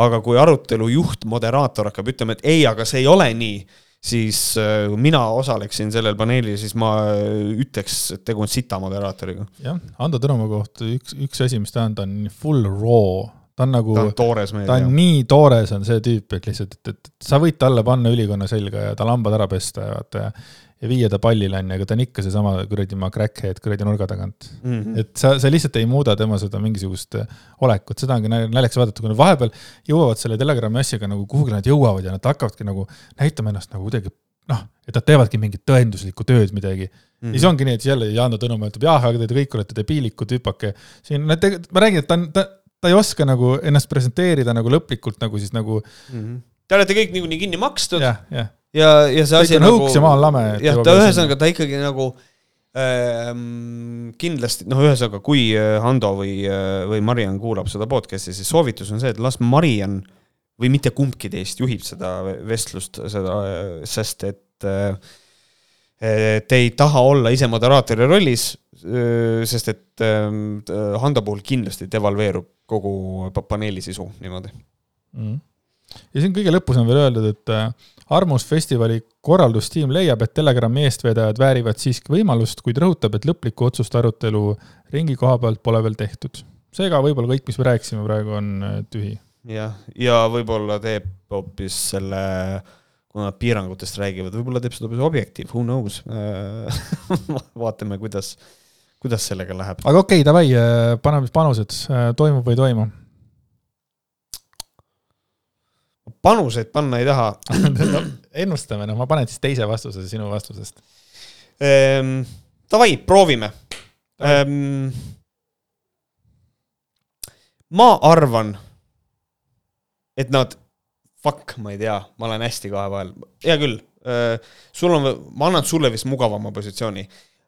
ma arvan, et nad äh, ei tee Äh, ma ei saa kahjuks olla sul vastasleeris, sest ma arvan, et äh, nad ei saa ka seda luba, sellepärast et neil nüüd on liiga suur äh, ajakirjanduse huvi on mängus ja nad peavad, nad peavad vaikselt ära ütlema siiski neile. aga samas nagu ma vaataks äh, hea meelega seda vestlust. Mm.. no ma olen ju see sick boy. peaks vaatama üldse, millal see Arvamusfestival äkki jõuab see aasta ise minna ka aga, aga, aga, aga see selleks, oleme lõpetanud rääkides, et Hando Tõnumaa on toores, raw, siis lähme nüüd järgmise toore asja peale, milleks on täielik nagu see change of kuradi teemana. ohohoo, võtame siis ette reality saate, mis kannab pealkirja, mis oli Tüdrukute õhtu või mm? -hmm. tüdrukute õhtu, tugev neliteist pluss saade, poissmeeste õht, formaadil, ainult et naiste perspektiivist, mis minu arust on suhteliselt progressiivne samm äh, ikkagi TV3 poolt. Krets, tubli, aga saade ise, holy shit ähm,. Andres teatas, ma vaatan seda äh,, hüppan kohe sisse sellega, selle saate runtime on kolmkümmend kaheksa minutit ja viiskümmend sekundit oli episoodi pikkus. ma vaatasin sellest ära seitseteist äh, ja ma ei suutnud rohkem Äh, ühest küljest oli vaja lapsega jalutama minna, aga teisest küljest ma ei tahtnud seda pärast uuesti käima panna ja mind häiris kõige rohkem, ma ei tea, kas sina selle peale oled mõelnud kohe saame teada. aga sellel saatel ei ole sisu raisk, sest et see on seitseteist minti oli läbi ja selle seitsmeteistkümne minuti jooksul eh, meile tutvustati kolme naist ja kolme meest ja minu arust oleks seda saanud teha mingisuguse vähem kui kümne minutiga plaks-plaks ära, nii, ja hakkame pihta. ja selle asemel oli vaja, ma ei tea, kas vaataja on nende arvates vaimse puudega või milles see probleem on, et on vaja meelde tuletada, et milline tütarlaps millise mehe kutsus. sest et mul oli nagu, ja ma mäletan, ma ju vaatasin seda saadet just. Miks sa mulle seda uuesti näitad flashback'ina, mustvalgelt, are you insane, miks see vajalik on? ja ei saa aru. ja ei saa aru ja minu selline põhjapanev seisukoht on see, et äh, actually ma tahan, et sina enne räägid, ma äh,, what is your take, millest sina rääkida tahtsid selle saate puhul üks teine mõte tekkis mul vahele, kui sa ütlesid seda, et iga kord nagu öeldakse, mis, kes siia tulid äh,. ma fucking armastan Eva Esset ja ma armastan Eva Esse saadet nimega Esse, onju. Aga mul, ma vaatasin ühte Esset siin mõni nädal tagasi ja, ja, ja mul on, hakkas närvidele käima see, et äh, iga kord, kui on niinimetatud reklaamipaus, siis räägitakse jälle üle, kes seal laua taga istuvad. see on mul täpselt samamoodi küsimus. ma tean, kes seal laua taga istuvad. ma tean, me võiks kasutada selle kakskümmend sekundit või kolmkümmend sekundit iga kord, kui ta alguses räägib seda, kes laua taga jälle istuvad rääkige, et ja. mind, mind, mind kohutavalt häirib see. Äh, ma olen, ma olen täiega nõus ja mul on veel selline asi, ma saan aru, miks, miks nad seda teevad, sellepärast et televisioonis inimesed liituvad kuskilt keskelt ja, ja siis me käime selle üle ja mhm. tegelikult tüdrukute kuradi õhtul täpselt samamoodi. ainult ma ütlen kõrvale, tüdrukute õhtut sa kas vaatad algusest lõpuni või ei vaata üldse. see selleks, nii, aga äh, Esse saatele veel minu poolt soovitus juurde. Äh, pange mingi aja pärast netti üles extended cut, jesus christ, et oleks rohkem dialoogi inimeste vahel lugeda, nagu kuulata, kui. ja vahepeal lõigatakse lihtsalt, ma nagu näen, kuidas kääridega lõigatakse inimese lause ära ja tuleb teine inimese jutt peale mm. -hmm. ja holy shit, mis mind veel selle juures häirib, on see, et äh, need tiitlid näiteks äh, Rannamaa Tanel, naistekütt, nagu ja siis huvitav, kas Tanelile oli öeldud ka ühes saates, et kuule, tee enda kaks nööpi või kolm nööpi eest lahti, et ikka nagu näha eh, oleks nagu noh, kõik ole, kõik ole näha. ma arvan, et ta tegi need ise. aga ma sain kohe aru, sest ta tegi seda ise seepärast, et sellel vennal ei püsi särk seljas, et see, et tal oli kolm nööpi lahti, on nii super töö, sest tavaliselt tal on kas null nööpi lahti või kolm nööpi on kinni. produtsent oli, ma ei tea, kas seda teeb Reede veel või? Tuuli, Tuuli Roosmäki käis peale, kuule, ole hea, pane oma fucking särginööbid kinni, you little monkey. et, äh, et, et jah, siukene. kusjuures mul tuli praegu meelde, holy shit, kui hirmus inimene on Tuuli Roosma, kas sa mäletad siukest saadet nagu äh, Nõrgim lüli? jah, head aega sina oledki nõrgim. sina oled nõrgim lüli, head aega. Holy shit. ei, ei, ei, ta vaatas prillid alt, sina oledki nõrgim lüli head aega. Okay.. aga kõige naljakam oli selliselt, kust ta tuli, ta tuli nagu, ta oli maailma kõige pehmem ja toredam ja nunnum Tuuli Roosmaa ja järsku ei, teeme temast Maire Aunaste, korrutame sajaga ja muuda, talle ei sobinud lihtsalt see kuri. kusjuures ma ei ole nõus, ma olen näinud äh, originaali. äh,, originaali, selles mõttes, ma olen Tuuli Roosmaga tuttav ja ma tean äh, teda ja ta on väga jõuline isiksus, vähemalt minu arvates ta on, ta on jõuline, produtsendina ma tean teda, ta on suhteliselt jõuline.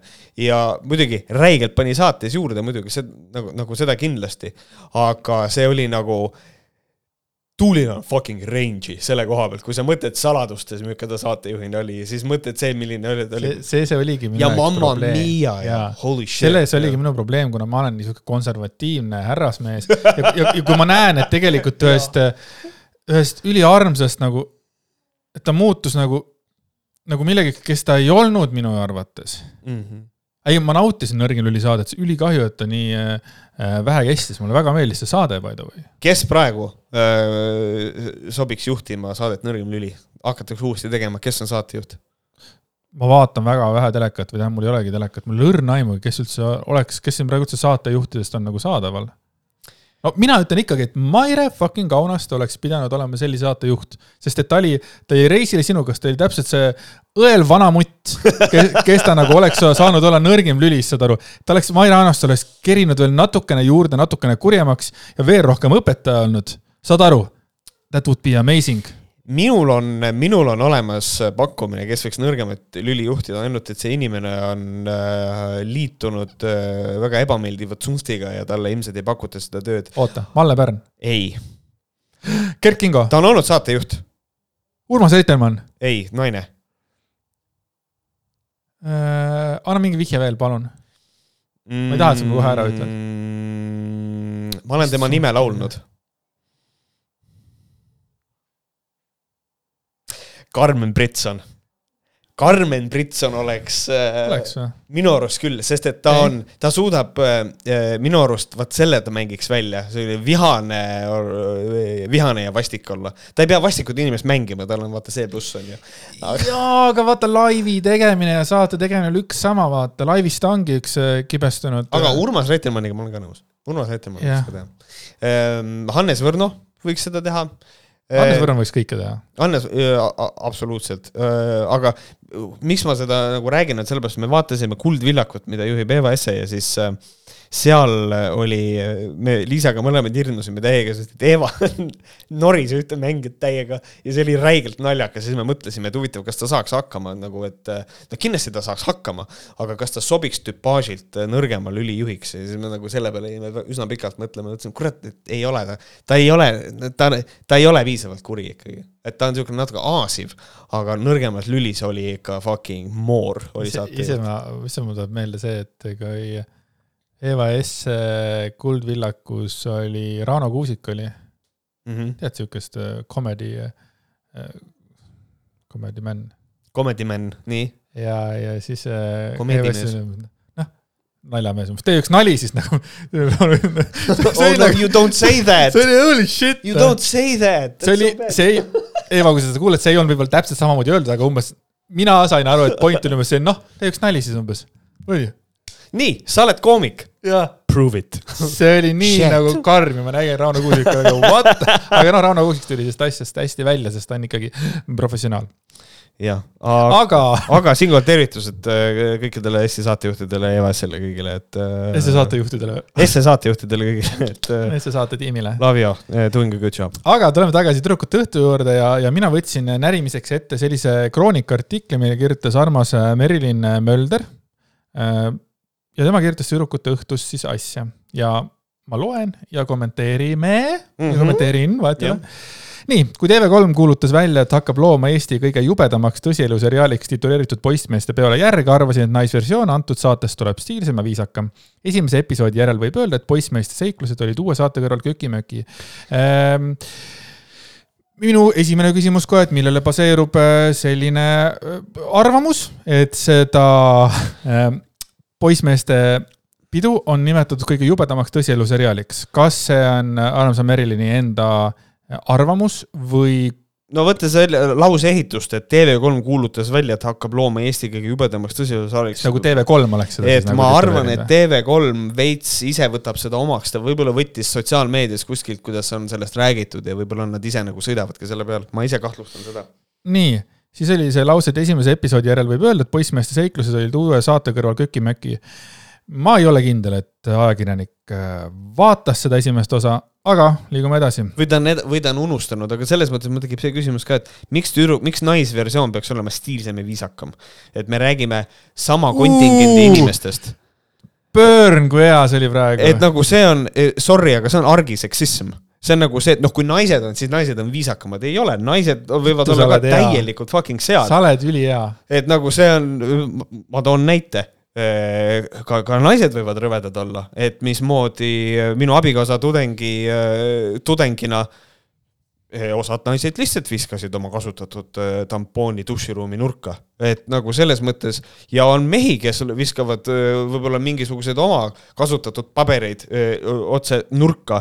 et selles mõttes rõvedaid nahi, nahi ja nahi rõvedaid naisi ja rõvedaid mehi on olemas, et selles mõttes, et ärge. nii, sa oled nii äge, saad aru, ja saad aru, ma, ma närin läbi asjad, aga ma ei oleks selle peale tõesti pannud tähele seda nagu no see on, mul on see jäänud lihtsalt ülikoolist saadik meelde, et ma vaatasin stendi peal, et äh,, et üürin välja korterit äh, tütarlapsele, üheksakümmend protsenti üürivad korterid üle tütarlastele, sellepärast et poisid ju on sead ja joovad, aga tüdrukud ei ole. Ja holy shit, kuidas asjad tegelikult on. oi, sa ei, ma peaks veel sind kiitma ja tõmbaks kohe mingi kümme minutit räägiks, kui hea sa oled, Märt. aga ärme Aga- tegele sellega. aga lähme edasi, sa tunned ennast ebamugavalt. jaa, okei okay.. jätkame siis artikliga. kogu tüdrukute õhtu kontseptsioon on sisuliselt täiesti sama, mis poissmeeste peol. noh, ongi sama. põhjus, miks mina ava- arvasin, et saade tuleb rahulikum ja viisakam, on see, et nüüd saavad neiud ise endale peokaaslased valida, see tähendab seda, et kui sa ikkagi ei taha Kalvi Kallega sängi heita, siis sa ei peagi. aga see saade tõestab, et Eesti naiste maitse on lihtsalt nii kohutav, et just sellised Kevin Kadalik, kadakalikud mehed lähevad naitsikutele peale, kuidas see võimalik on? once again. Sorry. aga ta ei ole vaadanud seda saadet, sellepärast et nendel jällegi, seal on teatud kontingent inimesi ja nad valivad endale inimesed sinna pildi järgi. Siis kuidas on võim-, nad ju ei tea pildi pealt, nad ei näe ju ära, missugused inimesed äh, on, et näiteks Georgi pilt oli oluliselt teistsugune kui see, milline mees tegelikult aga ärme unustagem ära seal, et noh, me muidugi ei tea, mis tegelikult seal oli, onju, aga meile näidati ainult, et nad nagu kolme mehe vahel oleks valinud, mis tähendab, igaüks pidi nagu valima ühe nendest. mm. -hmm. no ma arvan, et see on nagu kirjutatud ära. aga see, et Merilin ütleb, et see saade tõestab, et Eesti naiste maitse on nii kohutav. ta, ta tegi selle, selle saate põhjal, ta, tähendab, neil oli valikus mingisugused tüübid, mida nad pidid valima. ja Merilin ütleb, et kogu Eesti naiste maitse on kohutav. see ei ole õiglane, see, see ei ole õiglane Eesti eh, naiste suhtes. see ei ole õiglane, sest et jällegi on tegu argiseksismiga, sellepärast et noh, see on classic case, et see saade, kus oli fucking kolm naist, tõestas, et Eesti naiste maitse on selline. Sorry kas poissmeeste õhtu puhul ka võeti need kolm meest ja selle järgi otsustati, milline on Eesti meeste maitse või? et selles mõttes, et millised üldse Eesti mehed on? Või, või nagu millised Eesti mehed on, et nagu selles mõttes, see on taaskord on siin nagu selline juhtum, et kui on nagu poliitik on naine, siis üldistatakse kõik need vead naispoliitikutele, mitte nagu sellele üksikule indiviidile.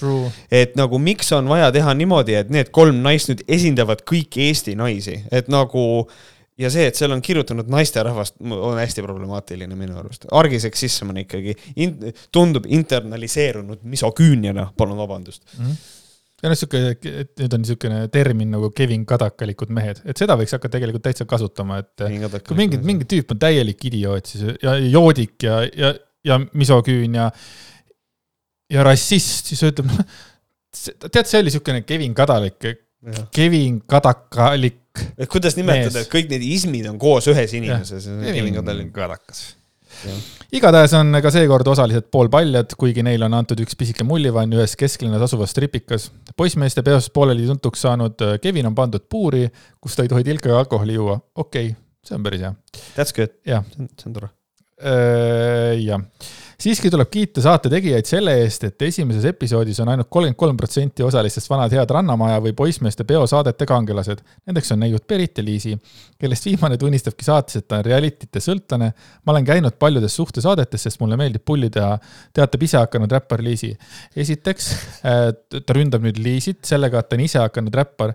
mina tahaks teada, kes ei ole ise hakanud midagi, kas Merilin ei ole ise hakanud ajakirjanik selles mõttes, et ta ise valis, et ta hakkab ajakirjanikuks. Kas keegi teine peab peale suruma kellelegi tema.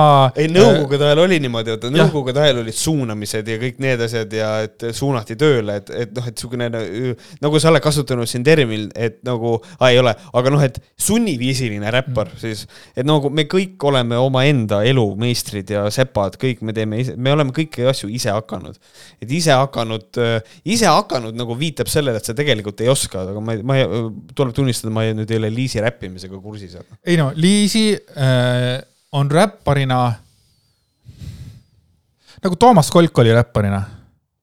sa oled kuulnud laulu Surka, onju? jah, noh, noh, et ta on nagu nii halb, on Liisi räpparina, aga see ei ole praegu küsimus. küsimus Jaa. on selles, et, et miks nagu rünnata sellega, et ta on ise hakanud räppar, et äh, kui ta oleks produtsentide poolt tehtud, kas siis ta, siis ta oleks nagu rünnanud selle eest, et no siis produtsent- produtsenti poolt ette lükatud räppar. kuradi industry plant. Liisi nagu midagi sellist ja, ja. mm. -hmm. aga jaa, kõige naljakam on see, et ma ei tundnud alguses Beritit ära nagu. ja siis ma sain aru, et see on just seesama Berit, kes äh, Rannamäes äh, äh, karjus sinna kaamerasse fuck you. noh, Mhm. saad aru, amazing, nagu täielik nagu, nagu teine inimene selles mõttes mm. jah, Lähme edasi. kui saates osalevad kolm noormeest, on läbilõige Eesti vabadest härradest, siis peaksid küll kõik vallalised neiud üle piiri jooksma. no nüüd ta, nüüd ta ei lihtsalt, ole. aga rääkima sellest, et ta lihtsalt nüüd võtab need kolm tüüpi, kes seal on ja nüüd äh, ründab siis tegelikult neid siis nagu siis nende, mille siis äh, nagu välimuse ja no kõige, noh, ta võtab siin, et esimeseks meheks oli Urmet, kes enne klubisse sõitmist oli kodus täis joonud. Jeesus, tead Urmat Ur,, Urmat, tead Urmet oli üks-ühele Ken Saani nägu minu jaoks. võta Ken Saanit särk, särk seljast äh,, seljast ära, natukene peenemaks ja veitsa nooremaks, minu jaoks täpselt samasugune. või vot mina ei näinud. vaat, mina nägin. siis tutvustatakse Tõnu, kes saate lõpufaasis vetsupotile, mille poole prilllauda palja pepuga magama jääb. ja kolmandaks härraks on värvikas kujunimega Georgi, just tema aitab vetsus uinunud Tõnu vetsupotilt voodisse, enne teeb ta kaaslase peaga ka sisuliselt tsentrifuugi, lööb talle lugematul arvul kõrvakiile ja siis hakkab eh, ta Tõnu paljast taguotsa intensiivselt taguma. Lõpetuseks keerab ta oma ekraanipartneri ilusti teki sisse, unustasin vist mainida, et Georgi on tõeline hunt kriimsilm ehk ta on elukunstnik, videograaf, tulemaa, kokk ja kõike muud veel. True, Georgi oli täiesti erakordne tüüp ja no see on ikka sellised anded olid ikka inimesel, et mm. -hmm. selles mõttes on väga kõva. palju asju. aga näiteks olles värskelt äh, käinud äh, selles kursusel, kursusel nagu noh, et äh, aidata inimesi, on ju. mitte, mitte eneseabi, vaid esmaabi, esmaabi. esma, ja enese tead, esmaabi. ja tead, kui ma vaatasin seda, kuidas Georgi tagus äh, äh, Tõnu kõrvu seal poti peal, sina vist sinna ei jõudnud, on ju? ei, ma ei ta, jõudnud. ta, ta nagu tegi alguses sakusid, siis ta nagu, ta lausa nagu peksis, et ta üles ärkaks, Tõnu jäi magama, ta läks öö, noh, ta oli täis, ta läks öösel sitale, läks istus rahulikult poti peale, noh, võttis püksid maha, hakkas sitale, aga ta vist ei jõudnud, igatahes ta jäi magama sinna. Ja siis loomulikult jooksid kaameramehed sinna sisse ja kõik ja siis filmisid seda. Ja Georgi tuli ka, Georgi hakkas taguma vaata umbes. Ja ma saingi teada, et ma ei teadnud seda varem, et kõrv, et, et kui inimene on meelemärkuseta, siis tuleb kõrvasid a la si- siia pigistada ja mingid asjad. ja tegelikult noh, Georgi pani muidugi hullu, ta peksis nagu kõrvu ja nägu ja mida ta kõike ei teinud, mis on täiesti minu arust kohutav, ma mõtlesin, et miks Georgi nii teeb, et kui mina oleksin olnud täis, ma olen olnud elus täis korduvalt, mul on paha olla ja siis mingi keegi tuleb ja hakkab mind taguma või, see on nii hull, mul on niigi raske olla. ja nüüd vaene mees läks rahulikult sitale, ta istus palja persega nagu põhimõtteliselt äh, mitmesaja tuhande Eesti inimese ees ja siis veel Georgi hakkab teda taguma. see, mul nii kahju oli Tõnu, vaene Tõnu noh, pea oli sinine, pärast, no tal olid juuksed olid sinised, pärast oli pea sinised, kõrvad sinised ja siis ja mida Georgi veel lõpuks tegi, kui ta pani selle uinuva linnupoja palja persega äh, ting-dong rippumas, viskas sinna voodisse, vaata. ja siis ta hakkas veel Tõnu tagumikku laksama. Georgi, mis sul juhtus? sa oled erakordselt nagu äh, huvitav noormees ja tõesti noh, Over enthusiastic võib-olla ikka tõesti. over enthusiastic. aga üldiselt nagu, mida, mida ma tahtsin saate kohta öelda, on see, et noh, tegelikult äh, äh, ei tohi nagu ennast petta äh,. selle saate eesmärk on ilmselge. Selle saate eesmärk on leida noored inimesed ja siis tegelikult äh, neid mõnitada äh,. et kui me vaatame sedasama äh, õnnetut, kes oli meil puuri pandud, siis kohe saate alguses ta kirjeldab seal, teeb mingit nalja ja hakkab naerma, tal tuleb ninast tatt välja. Ja siis ta, ja siis ta tõmbab selle ülesse tagasi ja pühib ära ja see on saatesse sisse jäetud. True. ja selle eesmärk on lihtsalt see, et vaadake, kui õudne inimene, naerge ta üle. ja, ja ma ütlen ausalt, mulle ei meeldi selline saade, mulle ei meeldi see, et TV3 on võtnud endale sihiks otsida üles kursuse janus noori, kes on valmis panema oma sellise Ehm, ma ei nimetaks ka osaliselt vaimse tervise ja mingisuguse inimliku väärikuse pakule eh, ja siis me lihtsalt teeme neid lolliks ja naerame nende üle. mina leian, et see on hästi inetu ja ma leian, et televisioon võiks olla parem.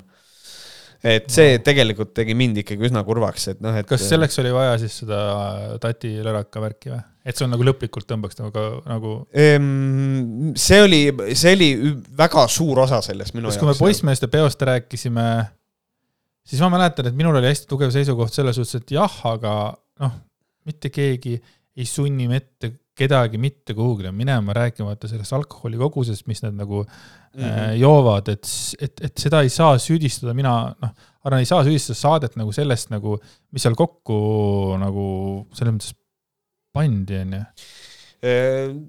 siin no, on, no et, tegelikult nagu saab. ei, no muidugi saab, ma tahan jõuda selle juurde ka, et noh, et Tõnu puhul näiteks, et jah, mina arvan, et see ei, see, et ta seal vetsupoti peal palja persega istus ja, ja Georgi teda tagus seal ja ta lõpuks sinna voodisse veeti, äkki oleks võinud olemata olla, aga nad jumala eest sellist äh, asja ei jäta mitte panemata, sest see on ju content, sellest nad kõik mm -hmm. räägivad, millest ma praegu räägin siin pikemat aega yeah. ja nagu see tati sissetõmbamine on ju noh, aga siis on jälle mul see asi, et jah, aga keegi ei sunni neid inimesi sinna minema, eriti kui veel nähti, et hea küll, poissmeeste peol me suudame veel, hea küll, nad ei teadnud, millesse nad mässivad, onju. aga fuck'i, kui need tüdrukute õhtu, see on nagu, kõik on täpselt samad produtsendid, kõik on täpselt sama, eks ole. kõik on sama ja siis nagu ikka inimesed ei tea, kuhu nad lähevad või? ei no mina arvan seda, et nad nagu, mina arvan seda, et ju nad ikkagi natukene nagu teavad äh,. aga et neil on veits nagu see, et ma lihtsalt leian, et see on nagu kanali poolt ikkagi nagu otsustada, et jaa, need inimesed on nõus ennast avalikult lolliks tegema. Äh, las nad siis teevad ja siis rõhutame seda, et ma leian, et see ei ole nagu päris õige, otse loomulikult neil on õigus seda teha ja nad teevad seda edasi ka. see on nende leib, mulle tundub, see on see, ma ei tea, nad on Rannamaja teinud, Rajut, Reedet on teinud, poissmeeste, küll nad mõtlevad veel midagi välja. aga üldse nagu üle, üldse nagu välismaa realitytes samamoodi, et isegi kui need inimesed on seal äh, väärikamad või mida iganes, on ju, siis äh, ikkagi ju see, kes seda seal siis nagu filmib või kes seda, kes seda asja seal nagu kokku paneb, eks ole, ma ei tea, montaažiruumis või kus iganes, tema ikkagi teeb selle, mis mulje inimestel, tollest inimestest jääb sest mõtle, kui palju tegelikult mm -hmm. kaamerad on seal, ütleme, kui mõni on mingi pikem asi, mingi pool aastat tehakse yeah., siis kokku pannakse ju see nagu tegelikult tahetakse seda inimest, et igal pool tehakse oma villan, tehakse oma see mingisugune armas paarike, no mingid, mingid asjad siin teevad, onju.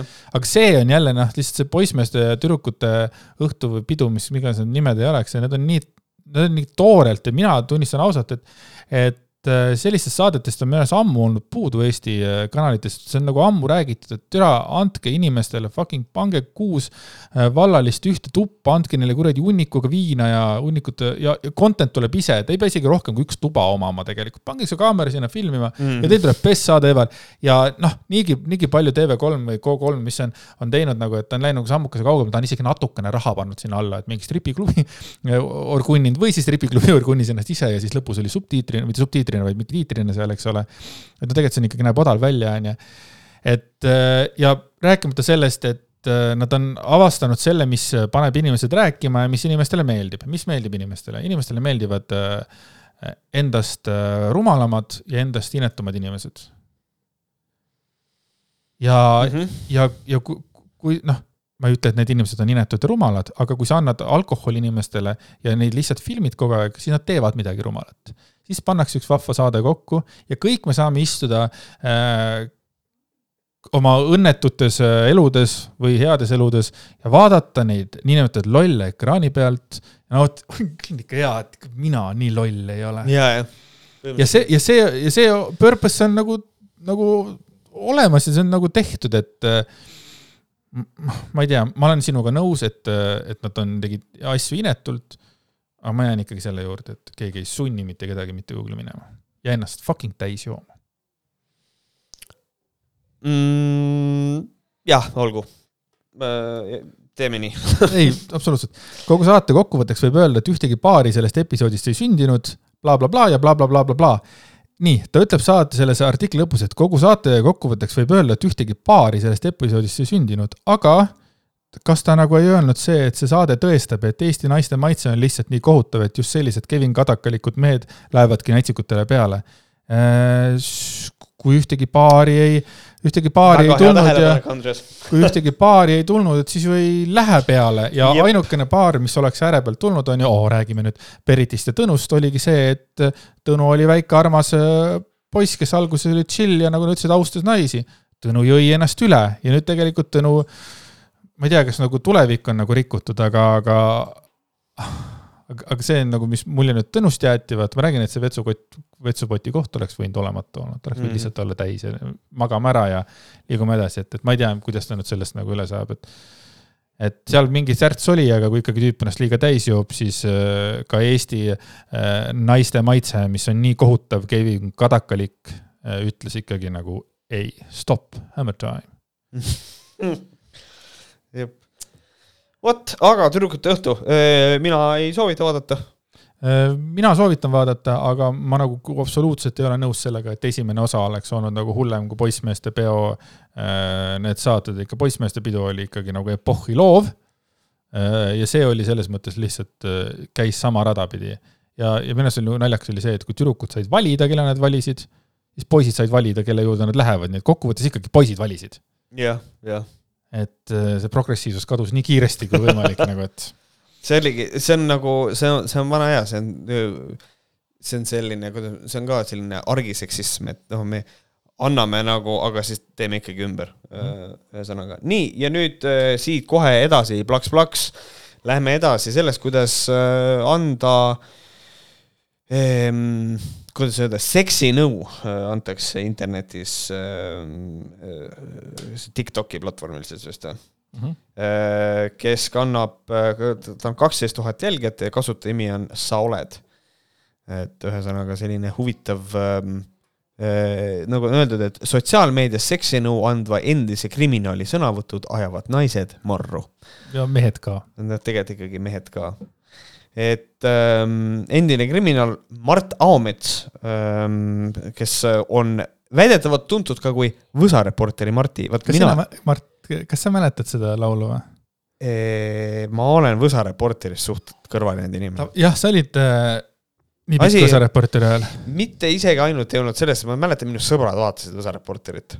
Et äh, neil oli ikka kogu aeg, need meemid käisid, et äh, võta tuli maha ja kõik need legendaarsed laused käisid alati nagu läbi. see võta tuli maha on äh, see oli, võta tuli maha, see toob mul surma ja ta surigi natuke aja pärast ära, mis oli crazy ja siis need, need Siberi kuradi ärimehed ja kõik need ja muidugi äh, Mina olen, ärikaksikud. ja, ja otse loomulikult Tiit ja Teet, ma olen nendega olen nagu tuttav, aga otseselt nagu see ei ütle mulle küll mitte midagi. No no hea küll, tuleme lõpus siin tagasi.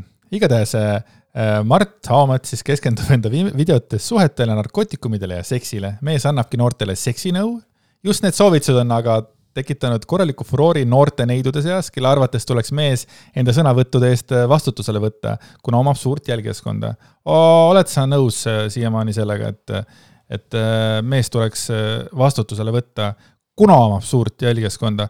Kui ta omaks väikest jälgijaskonda, kas ta tuleks ka äh, võtta vastutusele? see on ebaõnnestunult sõnastatud jah, et tegelikult kui inimene annab äh,, kui inimene noh, nagu ma aru saan, propageerib vägistamist, siis vahet ei ole, kas tal on viiskümmend jälgijat või viiskümmend tuhat, et nagu tegelikult tegevus on üks lihtsalt auditoorium on suurem ja suurem tõenäosus on, et midagi ette võetakse, aga põhimõtteliselt äh, see väärtegu on ju sama mm. -hmm Aames räägib väga avameelselt enda voodielust naistega ja kaks videot on nii mõndagi häirima jäänud. näiteks ühes videos avaldas ta, et suhtes olles on okei okay enda partnerit sunniviisiliselt vastu tahtmist võtta naise kasvatamise eesmärgil ehk siis vägistada, see tähendab, mulle meeldib see, et noh, ta siin ei, ei ole nagu viidanud vägistamisele, ilmselt ta ka ise ei taha, see Aomets ise ei taha öelda, et tegu on vägistamisega, sest et tema arvates ei ole, et see on sunniviisiline võtmine ja naistel on teatav kohustus meestega seksida, ilmselt peegeldub nagu see.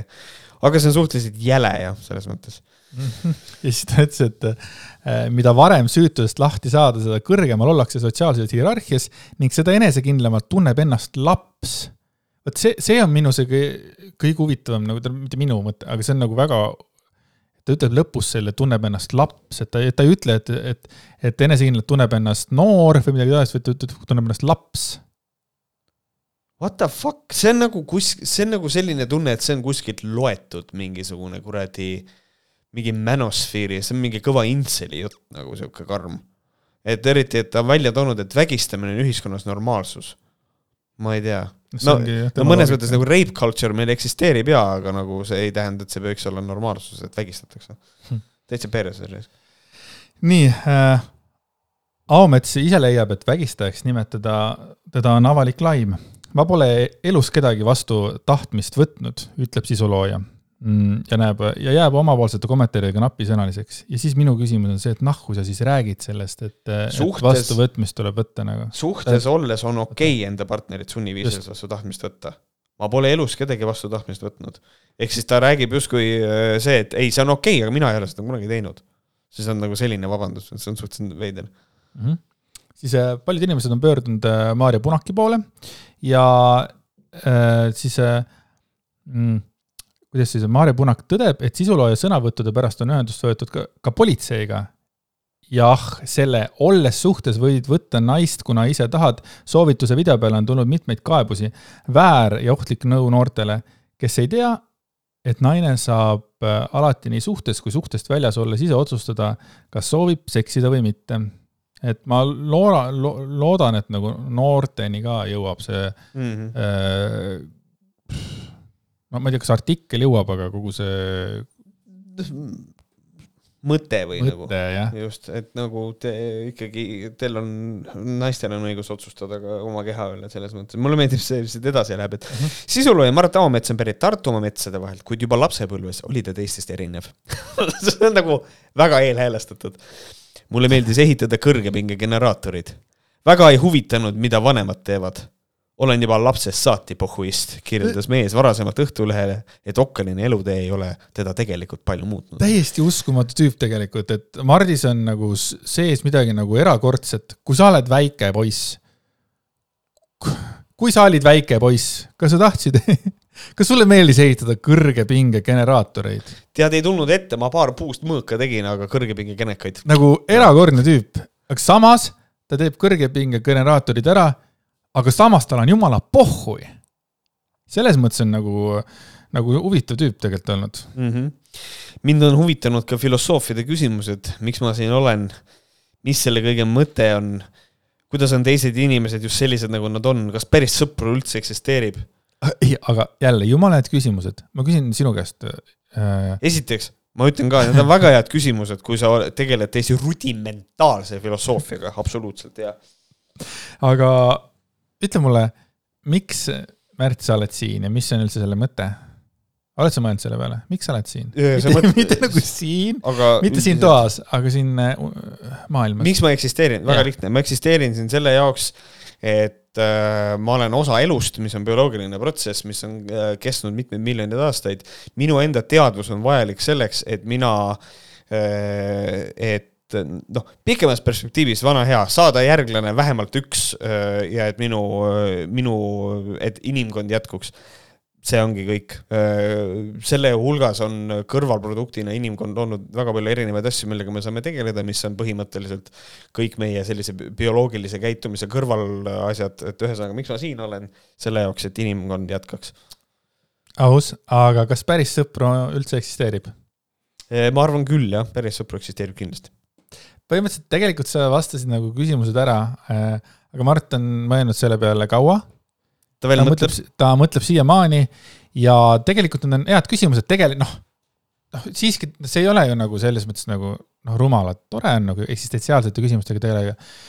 Kuidas ta nahku selle vägistamiseni jõuab kuidas ta jõuab vägistamiseni, et naist on äh, äh, Okei. hea võtta kuradi Äh, kasvatamise eesmärgil? kasvatamise eesmärgil jõuliselt Vägisi, jah. äh, nagu võtta vastu tahtmist, et, et noh, kuidas on see seotud sellega, et miks ma siin olen, et see on nagu, see on nagu veider jah. tarkus täis peaga Mart on ülikooli, on ülikooli astunud suisa kolmel korral. täpselt äh, kaks korda rohkem kui mina, ei, kolm korda, sest ma proovisin üks kord ja ma ei saanud sisse. tema on kaks korda rohkem kui mina ka.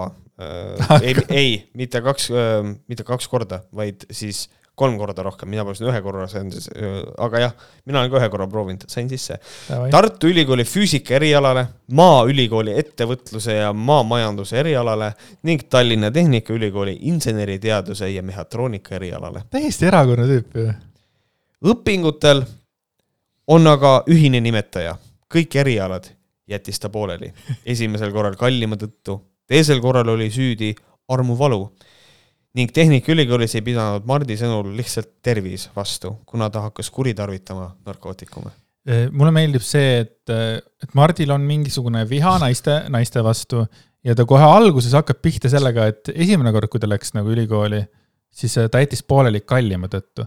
Kallim, ma eeldan, et kallim on süüdi, ma arvan, et ta ei preisi seda, et ta kallima tõttu jättis pooleli, vaid kallim on süüdi selles. et tema, kuigi ma arvan siiski, et või noh, huvitav oleks teada, et kas nagu kallim ei lubanud tal käia seal ülikoolis mm. või see oli tema valik, eks ole mina arvan, et see on, tead, mina arvan, et siin on see asi, et ta lihtsalt ei tahtnud, ei viitsinud ülikoolis käia ja siis ta leidis vabanduseks, et no ma pean oma kallimaga ka aega veetma, ma ei tea, ma olin ka oma kuradi, äh, ma olin ka Liisaga koos, kui ma ülikoolis käisin, ma ei tea, saime hakkama, me olime isegi abielus niimoodi, et mina elasin Viljandis ja tema Tartus. jaa, aga äkki, äkki, kas, kui Mart ei oleks, kui ei oleks enesehaletsejast ja naistevihka, siis ta oleks öelnud lihtsalt, et noh ma ei viitsinud koolis käia ja mul oli pruut ka palju ägedam on hängida.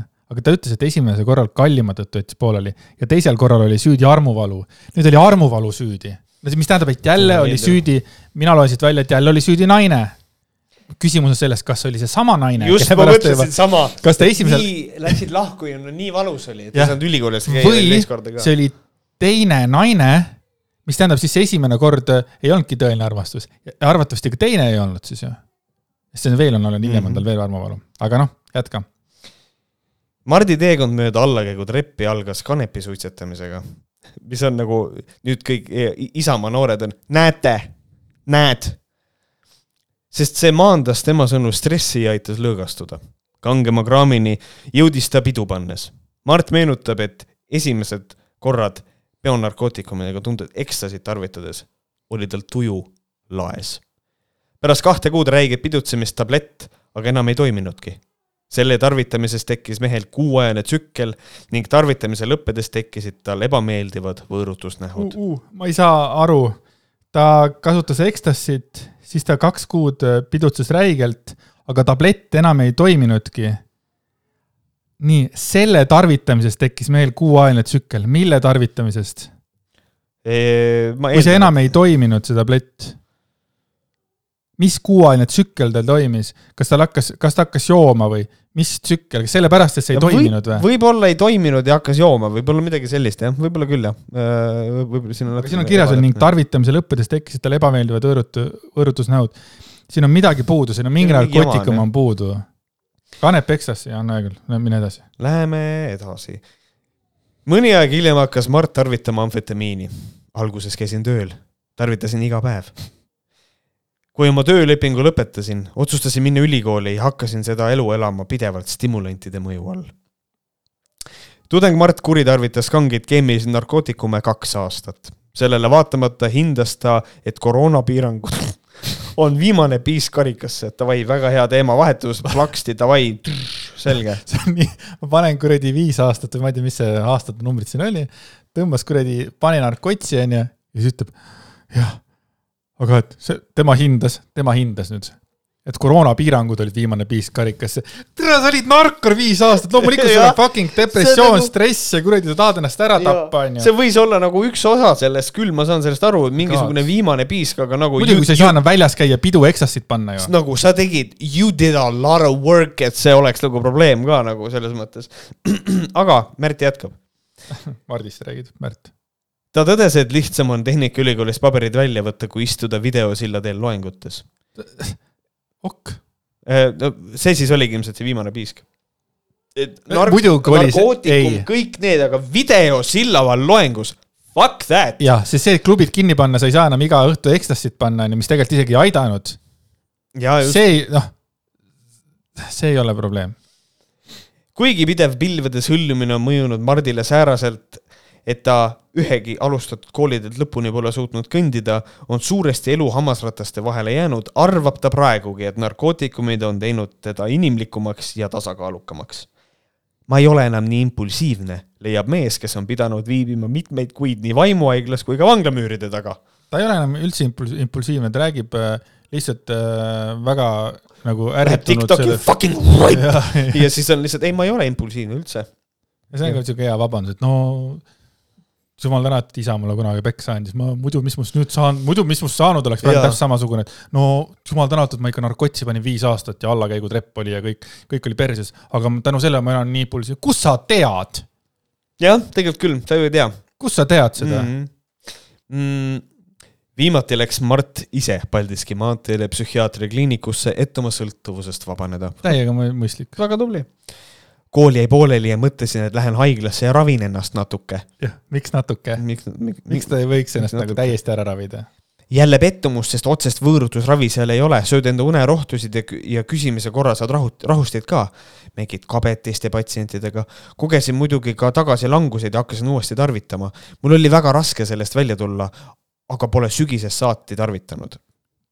Ei, okei okay,, aga mina tahaks kuulda, mis ta siis nagu lõpuks tegi, et sa, et ta saaks nagu anda nagu teistele ka seda, et kuidas ta lõpuks sai siis äh, tarvitamisest välja, sellepärast et ta käis ravil ta mängis kabet, tuli tagasi, hakkas süstima või, või, või, või suitsetama või mida, neelama, mida iganes nad teevad seal, vaata mm. -hmm. aga noh, ei ole tarvitanud, tead, tubli, aga ära propageeri vägistamist, nagu me unustame selle kohe ära nagu. aga lähme edasi. Mart meenutas pikkade aastate taha jäävat juhtumit, millest tema kriminaalne elu alguse sai. noorele temale tuli külla meessoost sõber koos kahe turskema noormehega, ise purjakil ning kaasas pudelipõhjast tilgake viina lõbus koosviibimine lõppes aga sünge olukorraga. sõneluse ning kähmluse käigus haaras Mart seinalt kirve, mille joobes sõbrale otse õlga virutas. miks sul kirves seina peal on? Eelmisest korrast, äkki läheb vaja või, ja siin koha peal tahaks ikkagi juhtida tähelepanu sellele, et ta ei ole enam impulsiivne ma lõin see lõin... oli ennem, see oli ennem kui see, see oli ennem, noh, aga ongi, ta enam ei ole. nüüd on kirves voodi all. ma lõin inimese sisse kirve. ta ajas mul sita nii keema. ma mõtlesin, et kõige parem samm on panna talle kirves sisse ja siis nad situvad kõik ennast täis ja kaovad. nii oligi. aga milline oli tagajärg? mingid solvangud tõid, tõid minus esile sellise äkilise reaktsiooni. ma tahaks lihtsalt juhtida tähelepanu mõtlesin, et kuulake sõnastust, mõtlesin, et kõige parem samm on panna talle see kirves sisse. Who the fuck says that? sügapaat.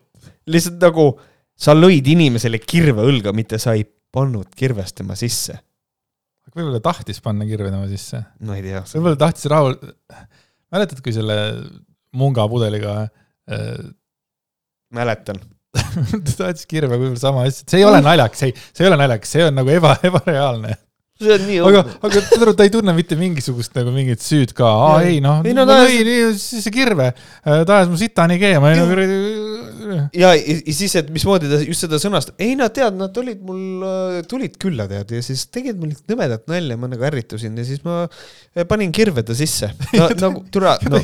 alguses ka, et ma lõin inimese sisse kirve ja siis on nagu sina ütledki, et kõige parem samm on panna kirvest talle sisse mis värk selle kirve sissepanemisega? ma mõtlen seda, mina kujutan ette, ma, kas see oli näost näkku äh, nagu see kuradi äh,, ta oli, näost näkku intervjuu, et kuidas ajakirjanik oli nagu holy shit, ma pean siit kiiremas korras ära minema. et ma ei, see päris, päris õudne, aga jätkame. inimene ei austanud minu kodukorda. arusaadav märatses liiga palju ja kui ma teda korrale kutsusin, siis ta ei muutnud oma juttu ja asi läks kähmuseni välja mul viskas kaane nii pealt ära, pidin äh, lihtsalt teravamat jõudu näitama kirjeldas Mart avameelselt ning tunnistas, et ei kahetse tegu. ühesõnaga, ta ei kahetse seda. saad aru, kuidas ta ütles, et pidin lihtsalt teravamat jõudu näitama. Nagu... ta kasutab, ta, ta lööb kirvega ja ta ütleb, ta, ta näitab teravamat jõudu oh,. Boom.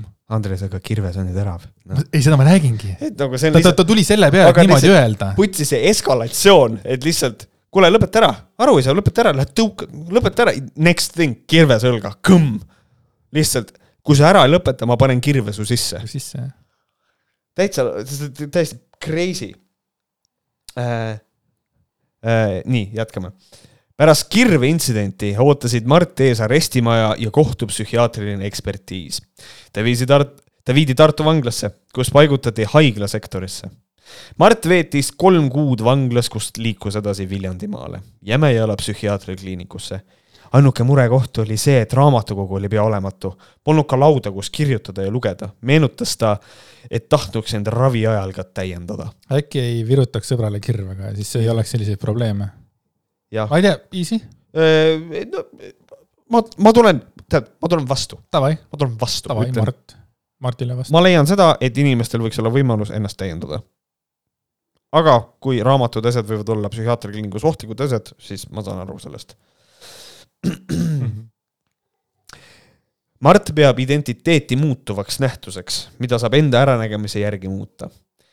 sellest tulenevalt on olnud mehel palju erinevaid karaktereid, mida ta on enda sõnul läbi elu mänginud. see on, see viitab mingisugusele kuradi, see on juba psychoresk, see on see psühhopaat, et tal on erinevad rollid, mida ta mängib, see on nagu veits creepy. sul on ka päris palju erinevaid rolle olnud. sa mängisid Kiirt jaa, need on filmides, mitte kuradi päriselus, nii, nüüd ma mängin kirvemõrtsukat. ta on nagu Andra Vebre, tema elu ongi paras film. True, võib-olla tõesti. kahe tuhande üheteistkümnendal aastal pöördus Mart armuvalus poisina Võsa Reporteri poole, kus kurtis Peeter Võsale, et sai endiselt kallimalt rahadega üle. jätke meelde, nüüd on jälle naine süüdi mm. -hmm. endine kallim on nüüd süüdi. ta vihkab naisi lihtsalt. naine jättis nimelt Mardi maha ning lisaks selgus, et laps, keda mees oli aidanud kasvatada, polnud üldsegi tema oma. ja tead, miks või? sellepärast, et see naine, kellega ta oli vahekorras olnud, see oli olnud ka eelnevalt mingi tüübiga vahekorras, no aastaid äh, varem. aa, telegoonia või? ja sellest tuli telegoonia ja, ja Mardi jaoks oli see täielik agoonia. perse, Andreas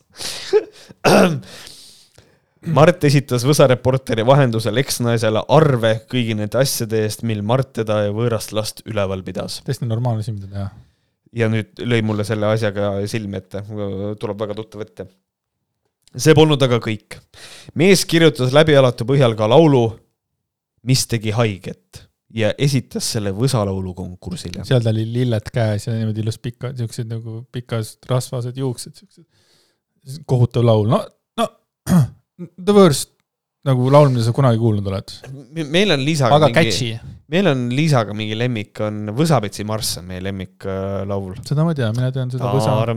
Taaram ja seal on üks hästi lahe, noh, ta laul-, noh, nii mööda ei ole võimalik laulda, kui need inimesed seal laulavad, aga see on, seal on üks hästi eh, lihtsalt marsirütm on ja siis ta laulab hästi koledasti sinna peale, üks naisterahvas ja siis seal on üks kõige parem moment on see Võsapets, tule siia absoluutne lemmik mm..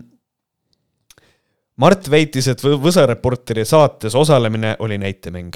sealjuures, noh, sest et tal on erinevaid rolle elus.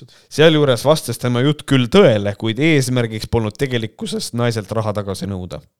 mingisugune tõmbenumber peab ju olema, et avalikkuse tähelepanu tuleks. see el elavdas minu sotsiaalset elu, sain rohkem seksi ja sõpru inimesed hakkasid mind ära tundma. kas sa saad aru või? Võsa Reporteris käis mingisugune kohutav tüüp kohutavat laulu laulmas ja ta hakkas tänu sellele rohkem seksi saama. mul on üks hästi vastuoluline seisukoht. Need mehed, kes saavad rohkem seksi sellepärast, et nad on Võsa Reporteris olnud, võib-olla need on sellised mehed, kellelt ei peaks seksi nõu vastu võtma. aus küll aga mõistis noor telenägu, et selline süütu poisikese karakter tema puhul ei toimi. minust polnud kindlat karakterit, see kuvand eh, on veel jäänud, kuid see kõik muutub. kolme kuu pärast ei tea keegi mingit DJ Photonit, lubas ta. mõnda aega pärast Võsa Reporteri kuulsust hakkas Mart kanepit müüma. see lõppes aga nukralt, kuid õiglaselt. Mart mõisteti aastateks türmi. mingi kits pani tanki ja mind joosti maha saad aru või? tere, see kõik päris. ja nüüd on, nüüd on nagu kits ka süüdi selles mõttes. no see, kes nagu kitsi pani. see on kõige parem, mingi kits pani tanki ja mind joosti maha mm.. kõik teised on süüdi. You are selling drugs, fuck, you fuckface, nagu dude. see on nagu, see on nagu see vana hea, et äh, keegi läheb vargile, ma näen pealt, kutsun politsei. ja siis äh, tüüp võetakse kinni ja siis I m the bad guy. Aga, aga sa ju murd-, sa ju rikkusid seadust nagu. tead, mis või mm.? võtame järgmise artikli. võtame järgmise artikli, issand et igatahes äh, Mart on üks paha-paha äh, kuju ja ärge kuulake ja vaadake teda Tiktokis jah, äh, ärge, nagu ma ütlesin, ärge võtage, ärge võtke vastu seksinõu inimeselt. siis ma vaatasin kella ja meil on nagu üks, üks nagu fantastiline artikkel on veel läbi võtmata ja noh, on aeg selg sirgu lüüa ja lugeda uued uudised, artiklid, sest et meil, äh, ütlen ausalt, äh, sissejuhatuseks on lihtsalt oluline öelda, et objektiivis Malle Pärna artiklite lugemine, me saame aru, ilmselt ma teen seda või me noh, meie teeme seda natukene liiga palju. seega nüüd me võtame siis artikli Uued uudised. mis on palju lühem, by the way. mis on palju lühem, oota, ja autor on kes? Malle Pärn putsi. Mallega, Mallega me alustame, Mallega me lõpetame. just, teeme siukse raamjutustuse, lõpetame Mallega, aga Malle Pärn kirjutas artikli pealkirjaga Kremli käsilane, Putinist populist, äärmuslane, homofoob. ta pani end lihtsalt, ennast pani sünonüümidega pealkirja I guess so ja nüüd jätkame, mida kirjutab Malle Pärn? üks mu kunagine kolleeg Avinurme koolist, eesti keele õpetaja, ütles klassis poistele, kes ei viitsinud õppida. kui te oma ajusid ei kasuta, siis kuivab ta kokku ja kukub kõrvast välja. see on tegelikult otsene vale ja, ja sellise laimu eest tegelikult võiks äh, Kaja Kallase vastu kohtusse minna näiteks. Äh, kas see ongi juhtunud nii paljude inimestega, miks nad muidu aina kordavad avalikus meedias absurdseid süüdistusi ja loosungeid? Kremli käsilane, putinist, populist, äärmuslane, homofoob, kõik väljamõeldud kaikad teisitimõtlejate või üldse mõtlejate materdamiseks. liberaalse kanakarja kambaka pühitsetud relvaarsenal. kas Kremli käsilane ja putinist ei ole üks fucking sama või? on küll, absoluutselt sama. ma ei tea, ta oleks võinud selliseid kirjutada Kremli käsilane, Putinist, ma ei tea, okupant, mingisugused asjad nagu kõik panna sünonüümid ja siis panna ka äärmuslane, oleks võinud kirjutada siia fanaatik ka juba juurde ja kõik siuksed, aga selge. ja see vana hea, et libera-, liberaalse kanakarja kambaka pühitsetud relvaarsenal et mina loen siit jälle välja, et kui kanakari, siis ta mõtleb tegelikult ainult liberaalseid naisi. vist küll, jah. sest, sest minu arust on Malle Pärn on ka üks nendest naistest, kes nagu, nagu oma suguõdesid ei toeta. jaa, absoluutselt, mina olen sellega täiesti nõus. kas paljud inimesed on muudetud programmeeritud robotiteks?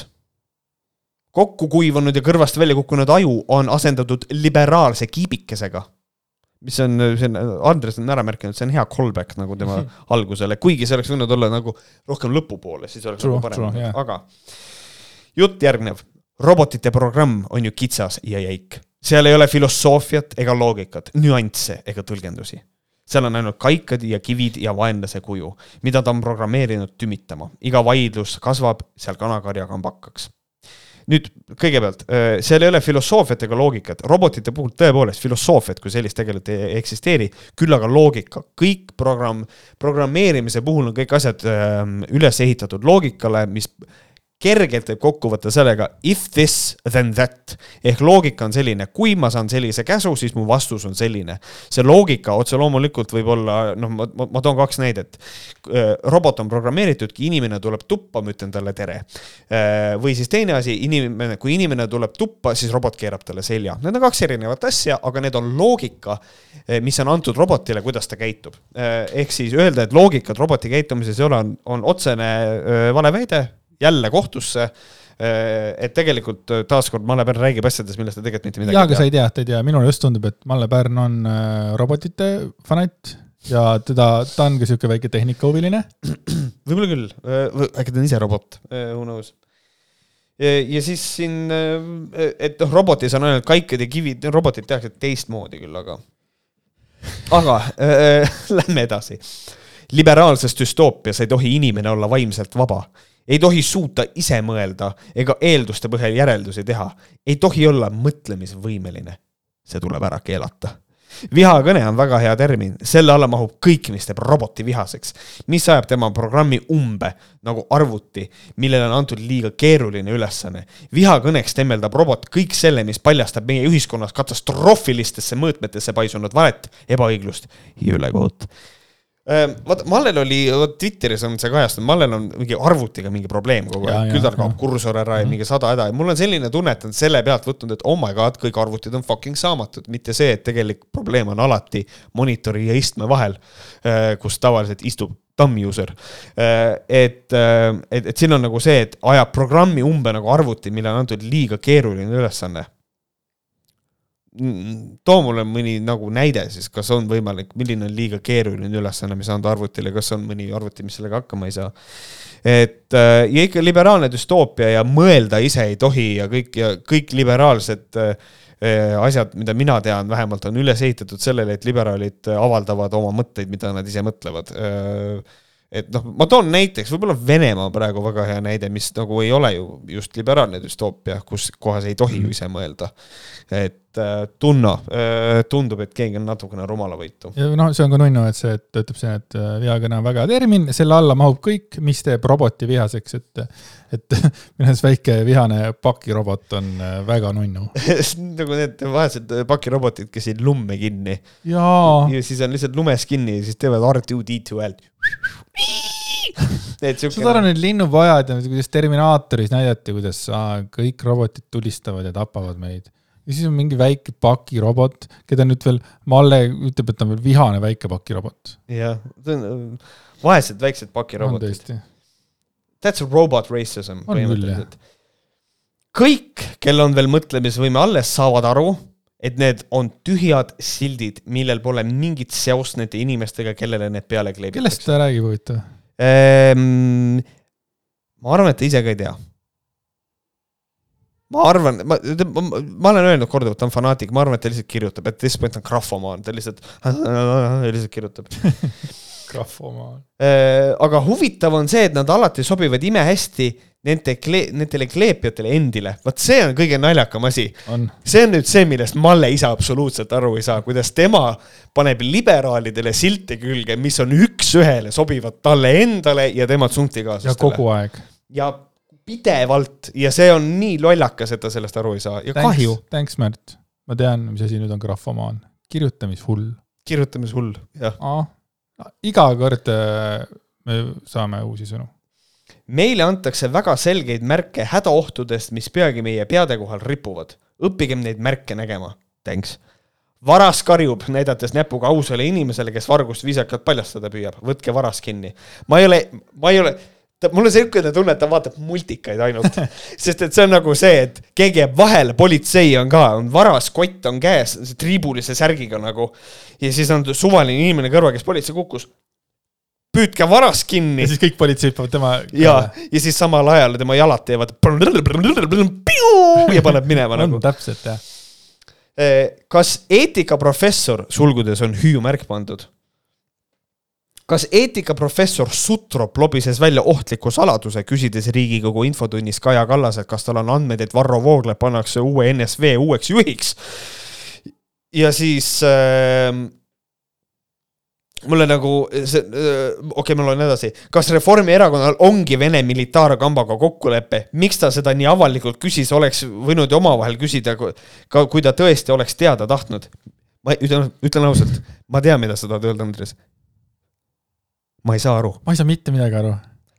kas eetikaprofessor Sutrop lobises välja ohtliku saladuse, küsides Riigikogu infotunnis Kaja Kallaselt, kas tal on andmeid Varro Vooglaid et Varro Vooglaid pannakse uue Eesti Nõukogude Sotsialistliku Vabariigi uueks juhiks. kas Reformierakonnal ongi Vene militaarkambaga kokkulepe? miks ta seda nii avalikult küsis? oleks võinud ju omavahel küsida, kui ta seda tõesti oleks teada tahtnud. Okay. ma ei ta, saa aru. ta on ikka lost nagu. et siin tuleb tõdeda, et meie oleme kaks pärnaloogi ja me ei saa aru. ja, ja me tegelikult tõesti jah, oleme kõik nagu lahti nagu võtnud ikkagi, aga ehm,. muidugi äh, oli selle küsimuse tegelik mõte üht sõnakuulmatut tervemõistuslikku inimest diskrediteerida. väga eetiline ja ühtlasi täiesti arutu seltsimees nõukogude professor. ta ikka räägib Varro Vooglaiust vist? ta vist ikka räägib Varro Vooglaiust jah, et, ähm, et see on nagu, see on alati niimoodi, kui keegi mingit sektijuhti kuskil ründab, siis kogu sekt on kohe ja siin on täpselt selline, et käed eemale Varro Vooglaiust on hashtag siin. kas sul on äh, kunagi, sa oled tundnud kunagi sellist armastust enda sekti poolt ka või? või sind ei ole rünnatud? Äh, ei, mind on rünnatud. no sekti äh, ajal? Äh, sekti ajal. See on, on rünnatud ja on tuldud ka kaitsele, aga üldiselt ma, ma ka liitun nende sõnavõttudega. aga samas Varro on ise ka ju, ta Kaja Kallase vastu, vastu, vahtu, okei okay., Kaja Kallase vastu ju tahab ju hagi hakata koostama, et et ühesõnaga ka tema tegeleb. ja ka Sutropi vastu. True, jaa. ja ka Delfi ja, ja Postimehe vastu loogiline mõtlemine muidugi ei ole liberaalne väärtus, nii et Sutropi küsimustest ei ole vaja otsida loogikat. Malle Pärna jutust ei ole vaja otsida loogikat, ütleks Mandrisele Märdile, millega te tegelete Vooglaid või ka mõni EKRE juht oleks küll viimane, keda Putin ihkaks siia oma ülemteenriks panna. Nad ei kuula ju sõna, mõtlevad ise. Dude, äkki vaatad jutt nagu sõnavõtte ka, eriti Vooglaiu omasid või ei või? Totalitarist eh,, tot-, totali-, totalitaristid, vabandust, totalitaristid vajavad kuulekaid mõtlemisvõimetuid käsutäitjaid eriti veel militaartotalistid ehk terroristid, konservatiive ei saa kohe kuidagi sellesse gruppi paigutada. mulle nagu meeldib see, et kogu liberaalne maailm on väga selgelt ja väga üheselt yeah. Putini vastu.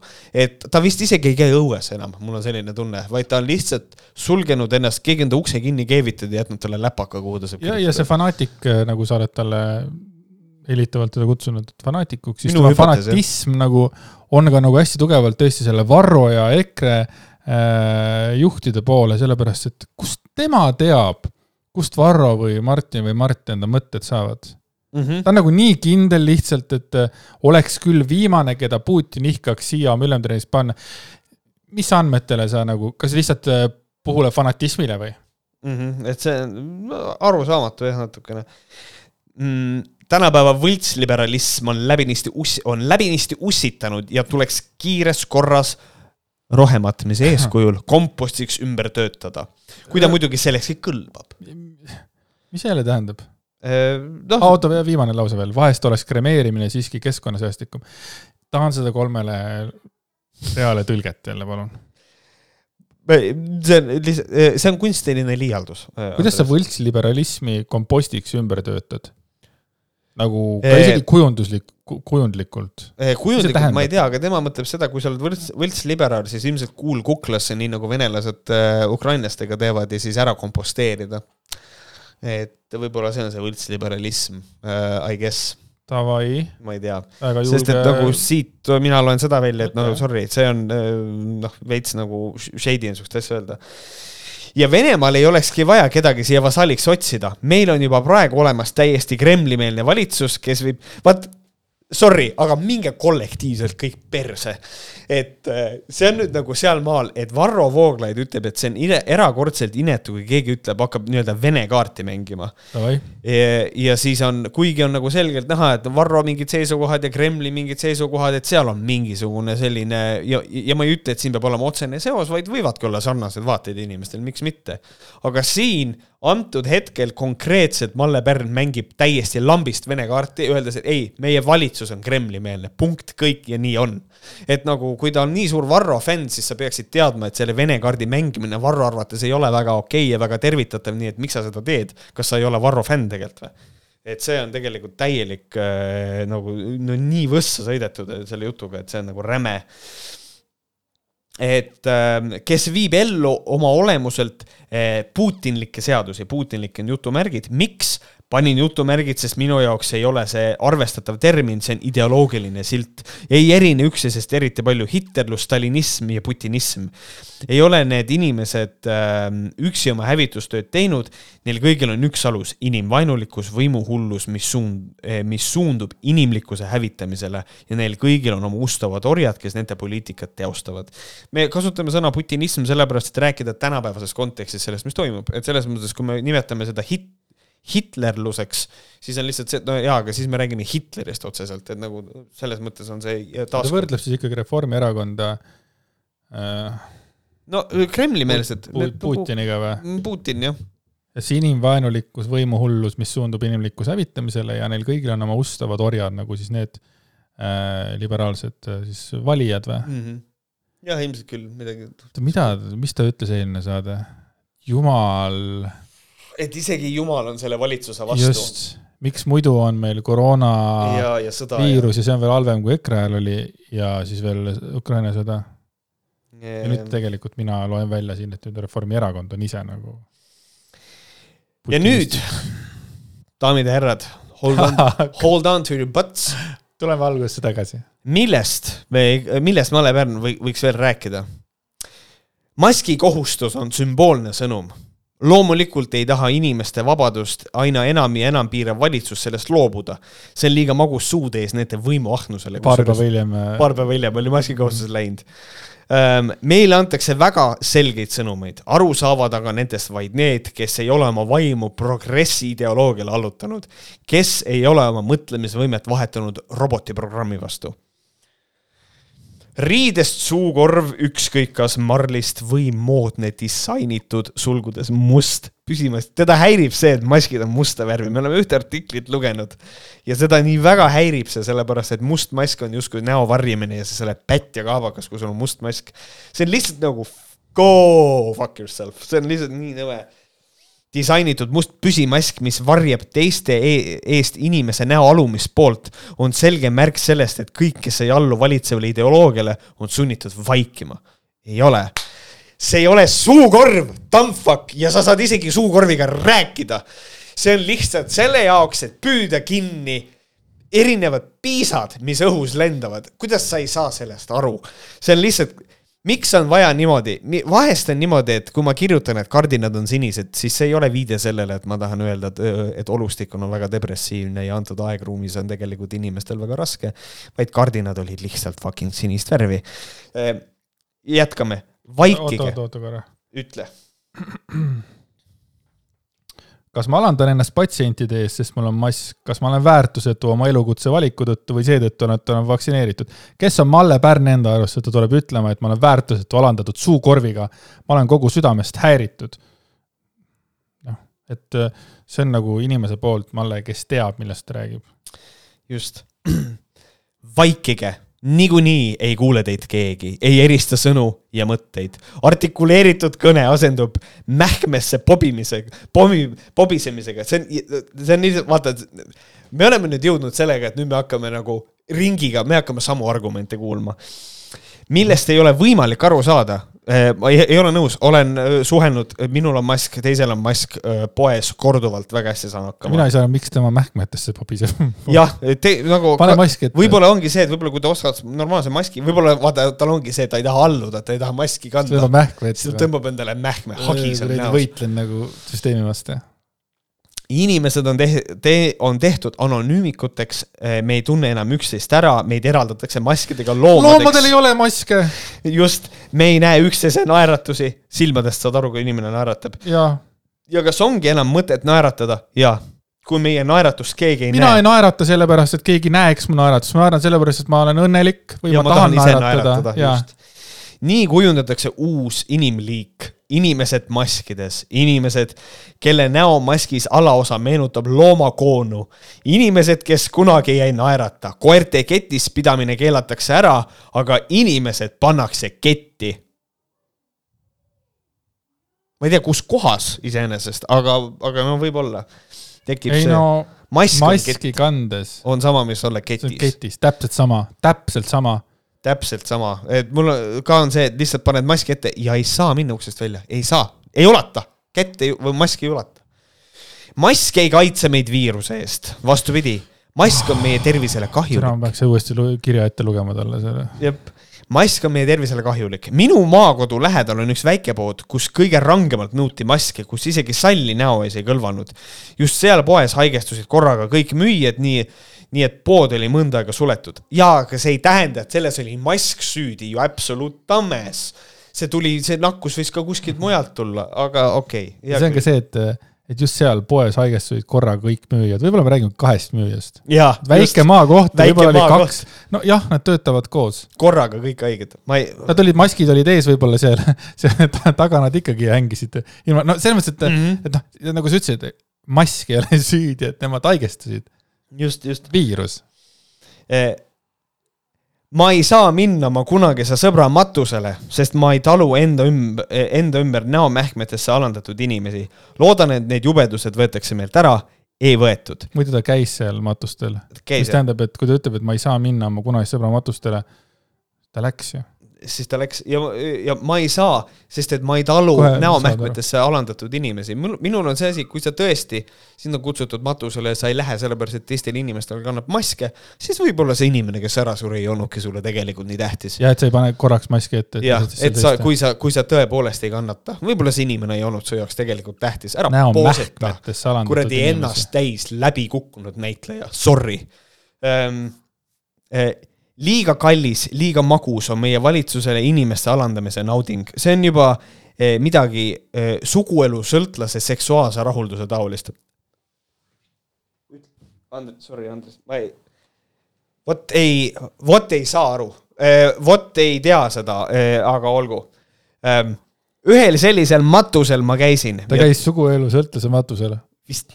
sest vist... ta ütles, et see on juba midagi suguelu sõltlase seksuaalse rahulduse taolist ühel sellisel matusel ma käisin hmm. ja tundsin ennast seal nagu tulnukate hulgas. mis tähendab, ta ennem ütles, et ta ei saa minna oma kunagise sõbra matustele, aga ühel sellisel matusel ma käisin. kas sa käisid matustel või ei käinud matustel? ja just, ja nagu kui sa kirjutad näiteks, see on nagu kirjandis, ma tean, seda viga olen ise teinud, et ära kirjuta niimoodi, et sa teed statement'i ja siis sa hakkad, et ja nüüd ma mõtlen ja siis mõtlen ümber, see on nagu, see on stilistiliselt kohutavalt kole ja lollakas. ma olin seal ainuke maskita inimene nutsin koos oma lahkunud sõbraga, mis viitab sellele, et surnuga nuttis. see ei ole võimalik, aga let's go. kes ilmselt ei tundnud oma matustele tulnud inimesi ära. ta ei, ta, Male, ta on surnud. tähendab, see on nagu, it's not funny, but it's really funny. ma nutsin koos oma lahkunud sõbraga, okei okay kes ilmselt ei tundnud ka maadlustatud inimesi. kuidagi nagu sellel on, sellel on, sellel on põhjus, miks ta neid ära ei tundnud tegelikult. Probably the fact that they were dead. Nagu see, et see on, see on minu kaastunne muidu lahkunud perele, aga et, nagu, aga Malle Pärn, sest nagu devalveerib seda kõike. nii, ja nüüd ma ei imestaks, kui varsti võetakse inimestelt koos nägudega ka nimed ära inimene muutub isikukoodiga maskiks, biomassiks, inimpelletiteks, kes iganes sellele vastu julgeb hakata. sellest käib hoolivalt üle salliv ja avatud liberaalharvester. Andreas. ma panin ka, ma panin shutdown ka sellele arvutile, mulle aitab. ja need. Tsiteerides klassikuid, siis kommentaarid oleks üleliigsed. Äh, lugupeetud kuulaja, tänan, et äh, veetsite meiega taaskordse episoodi, äh, mis kätkes endas väga palju väga kummalisi inimesi. mina ja Andreas oleme teie kõrvus tagasi täpselt ülejärgmine nädal. ei, ei ole, ei jaa, ei, ei, oot-oot, ma ütlesin ei ja jaa. nii, läheme kõige tähtsamaks, kakskümmend kolm aprill toimub Tartus aparaaditehases Aparaadio podcast'i festival mm. -hmm. ja teie armastatud saatejuht Märt Koik Koiki, Koiku, Koiki, Koiki ja Andres Jäägerit. Äh, te näete ka Aparaadi podcast'i festivalil, see on siis Tartus, kakskümmend kolm aprill. kellaaega me täpselt ei tea, aga ma eeldan, et see on ikkagi kuskil seal õhtupoole, et ma arvan, et äkki mingi nelja ja kaheks, kolme ja kaheksa vahel ikka vast kuskil seal väga hea asi, millega arvestada. ühesõnaga ja, et Aparaadio, otsige ise üles, vaadake, kas saate tulla, kas tahate tulla. ja praegu on piletid on viis eurot. praegu saate early bird'i, bird'i, bird'i pileti, hiljem lähevad kümne euro peale, nii et kui tahate tulla kuulama head podcast'i salvestamist ja teistkordset võimalust üldse näha Võhkareid laivis, see on täiesti erakordne. Sest et noh, Märt on harjunud olema nagu lava peal. Ja mina ka, seega ei olegi midagi nii erakordne Never mind, et äh, jah, kakskümmend kolm aprill. ma väga, väga ootan, et siis äh, kui te tunnete seda, et kuna meie saated teeme üle nädala, äh, et tahaks iga nädal Võhkareid, selle jaoks on olemas väga hea lahendus, äh, on olemas niisugune veebileht nagu patreon.com kaldkriips Vohkarid ja seal on olemas ilusasti võimalus soetada endale õigus saada osa Võhkarite patroonhäälingust, mis ülesehituselt on põhimõtteliselt täpselt samasugune saade, mida siis me teeme ka üle nädala, mis siis tähendab, et patroonidel on võimalus iga nädal äh, kuulata Võhkareid äh, ja nagu saada enda postkasti uus Võhkarite episood. jah, et järgmine saade siis ilmub Patreoni kaheteistkümnendal aprillil, peaks olema järgmine teisipäev ja tavasaadete koha pealt ma täpselt ei tea, ma ei hakka midagi lubama. jah, siin on äh, võimalus mõningaseks nihkumiseks, aga me leiame viisi ja informeerime teid sellest. Äh, mina olen Twitteris olemas, et et Mart Koik äh,, Andreas on, Andres Jääger on ka ilusasti Twitteris olemas äh,. visake, visake follow meile mõlemale või ühele, keda te rohkem armastate äh,. ja siis me ilmselt jagame informatsiooni ka seal ja võtame osa ka muudest erinevatest äh, diskussioonidest aeg-ajalt. jah, äkki Arvamusfestivalil räägime konservatiivsetest elukommetest näiteks. ja loomulikult võhkarid.gmail.com, äh, õ on kuus ja võite kirjutada sõimata, kiita, eriti kiita ja kiita. jah, äh, ja Märile on... ei meeldi kiitus muide. ja kui on vaja saata niude, siis noh, kui tahate, siis tehke, aga ei ole tarvis. ma parandan, Märdile meeldib kiitus, aga Märt tunneb ennast vahepeal äh, ebamugavalt, kui ma hakkan liiga pikalt teda kiitma That is true, see vastab tõele, nii see on. aga eh, suur tänu kuulamast, eh, mina tänan teid, eh, kas Andres ka? ma arvan ikka, jah. väga hea, siis aga suur tänu teile kuulamast ja kohtume teiega, kui mitte enne, siis järgmine kord. kui mitte enne, ei saa paraadi olla. tšau, Blau. tšau.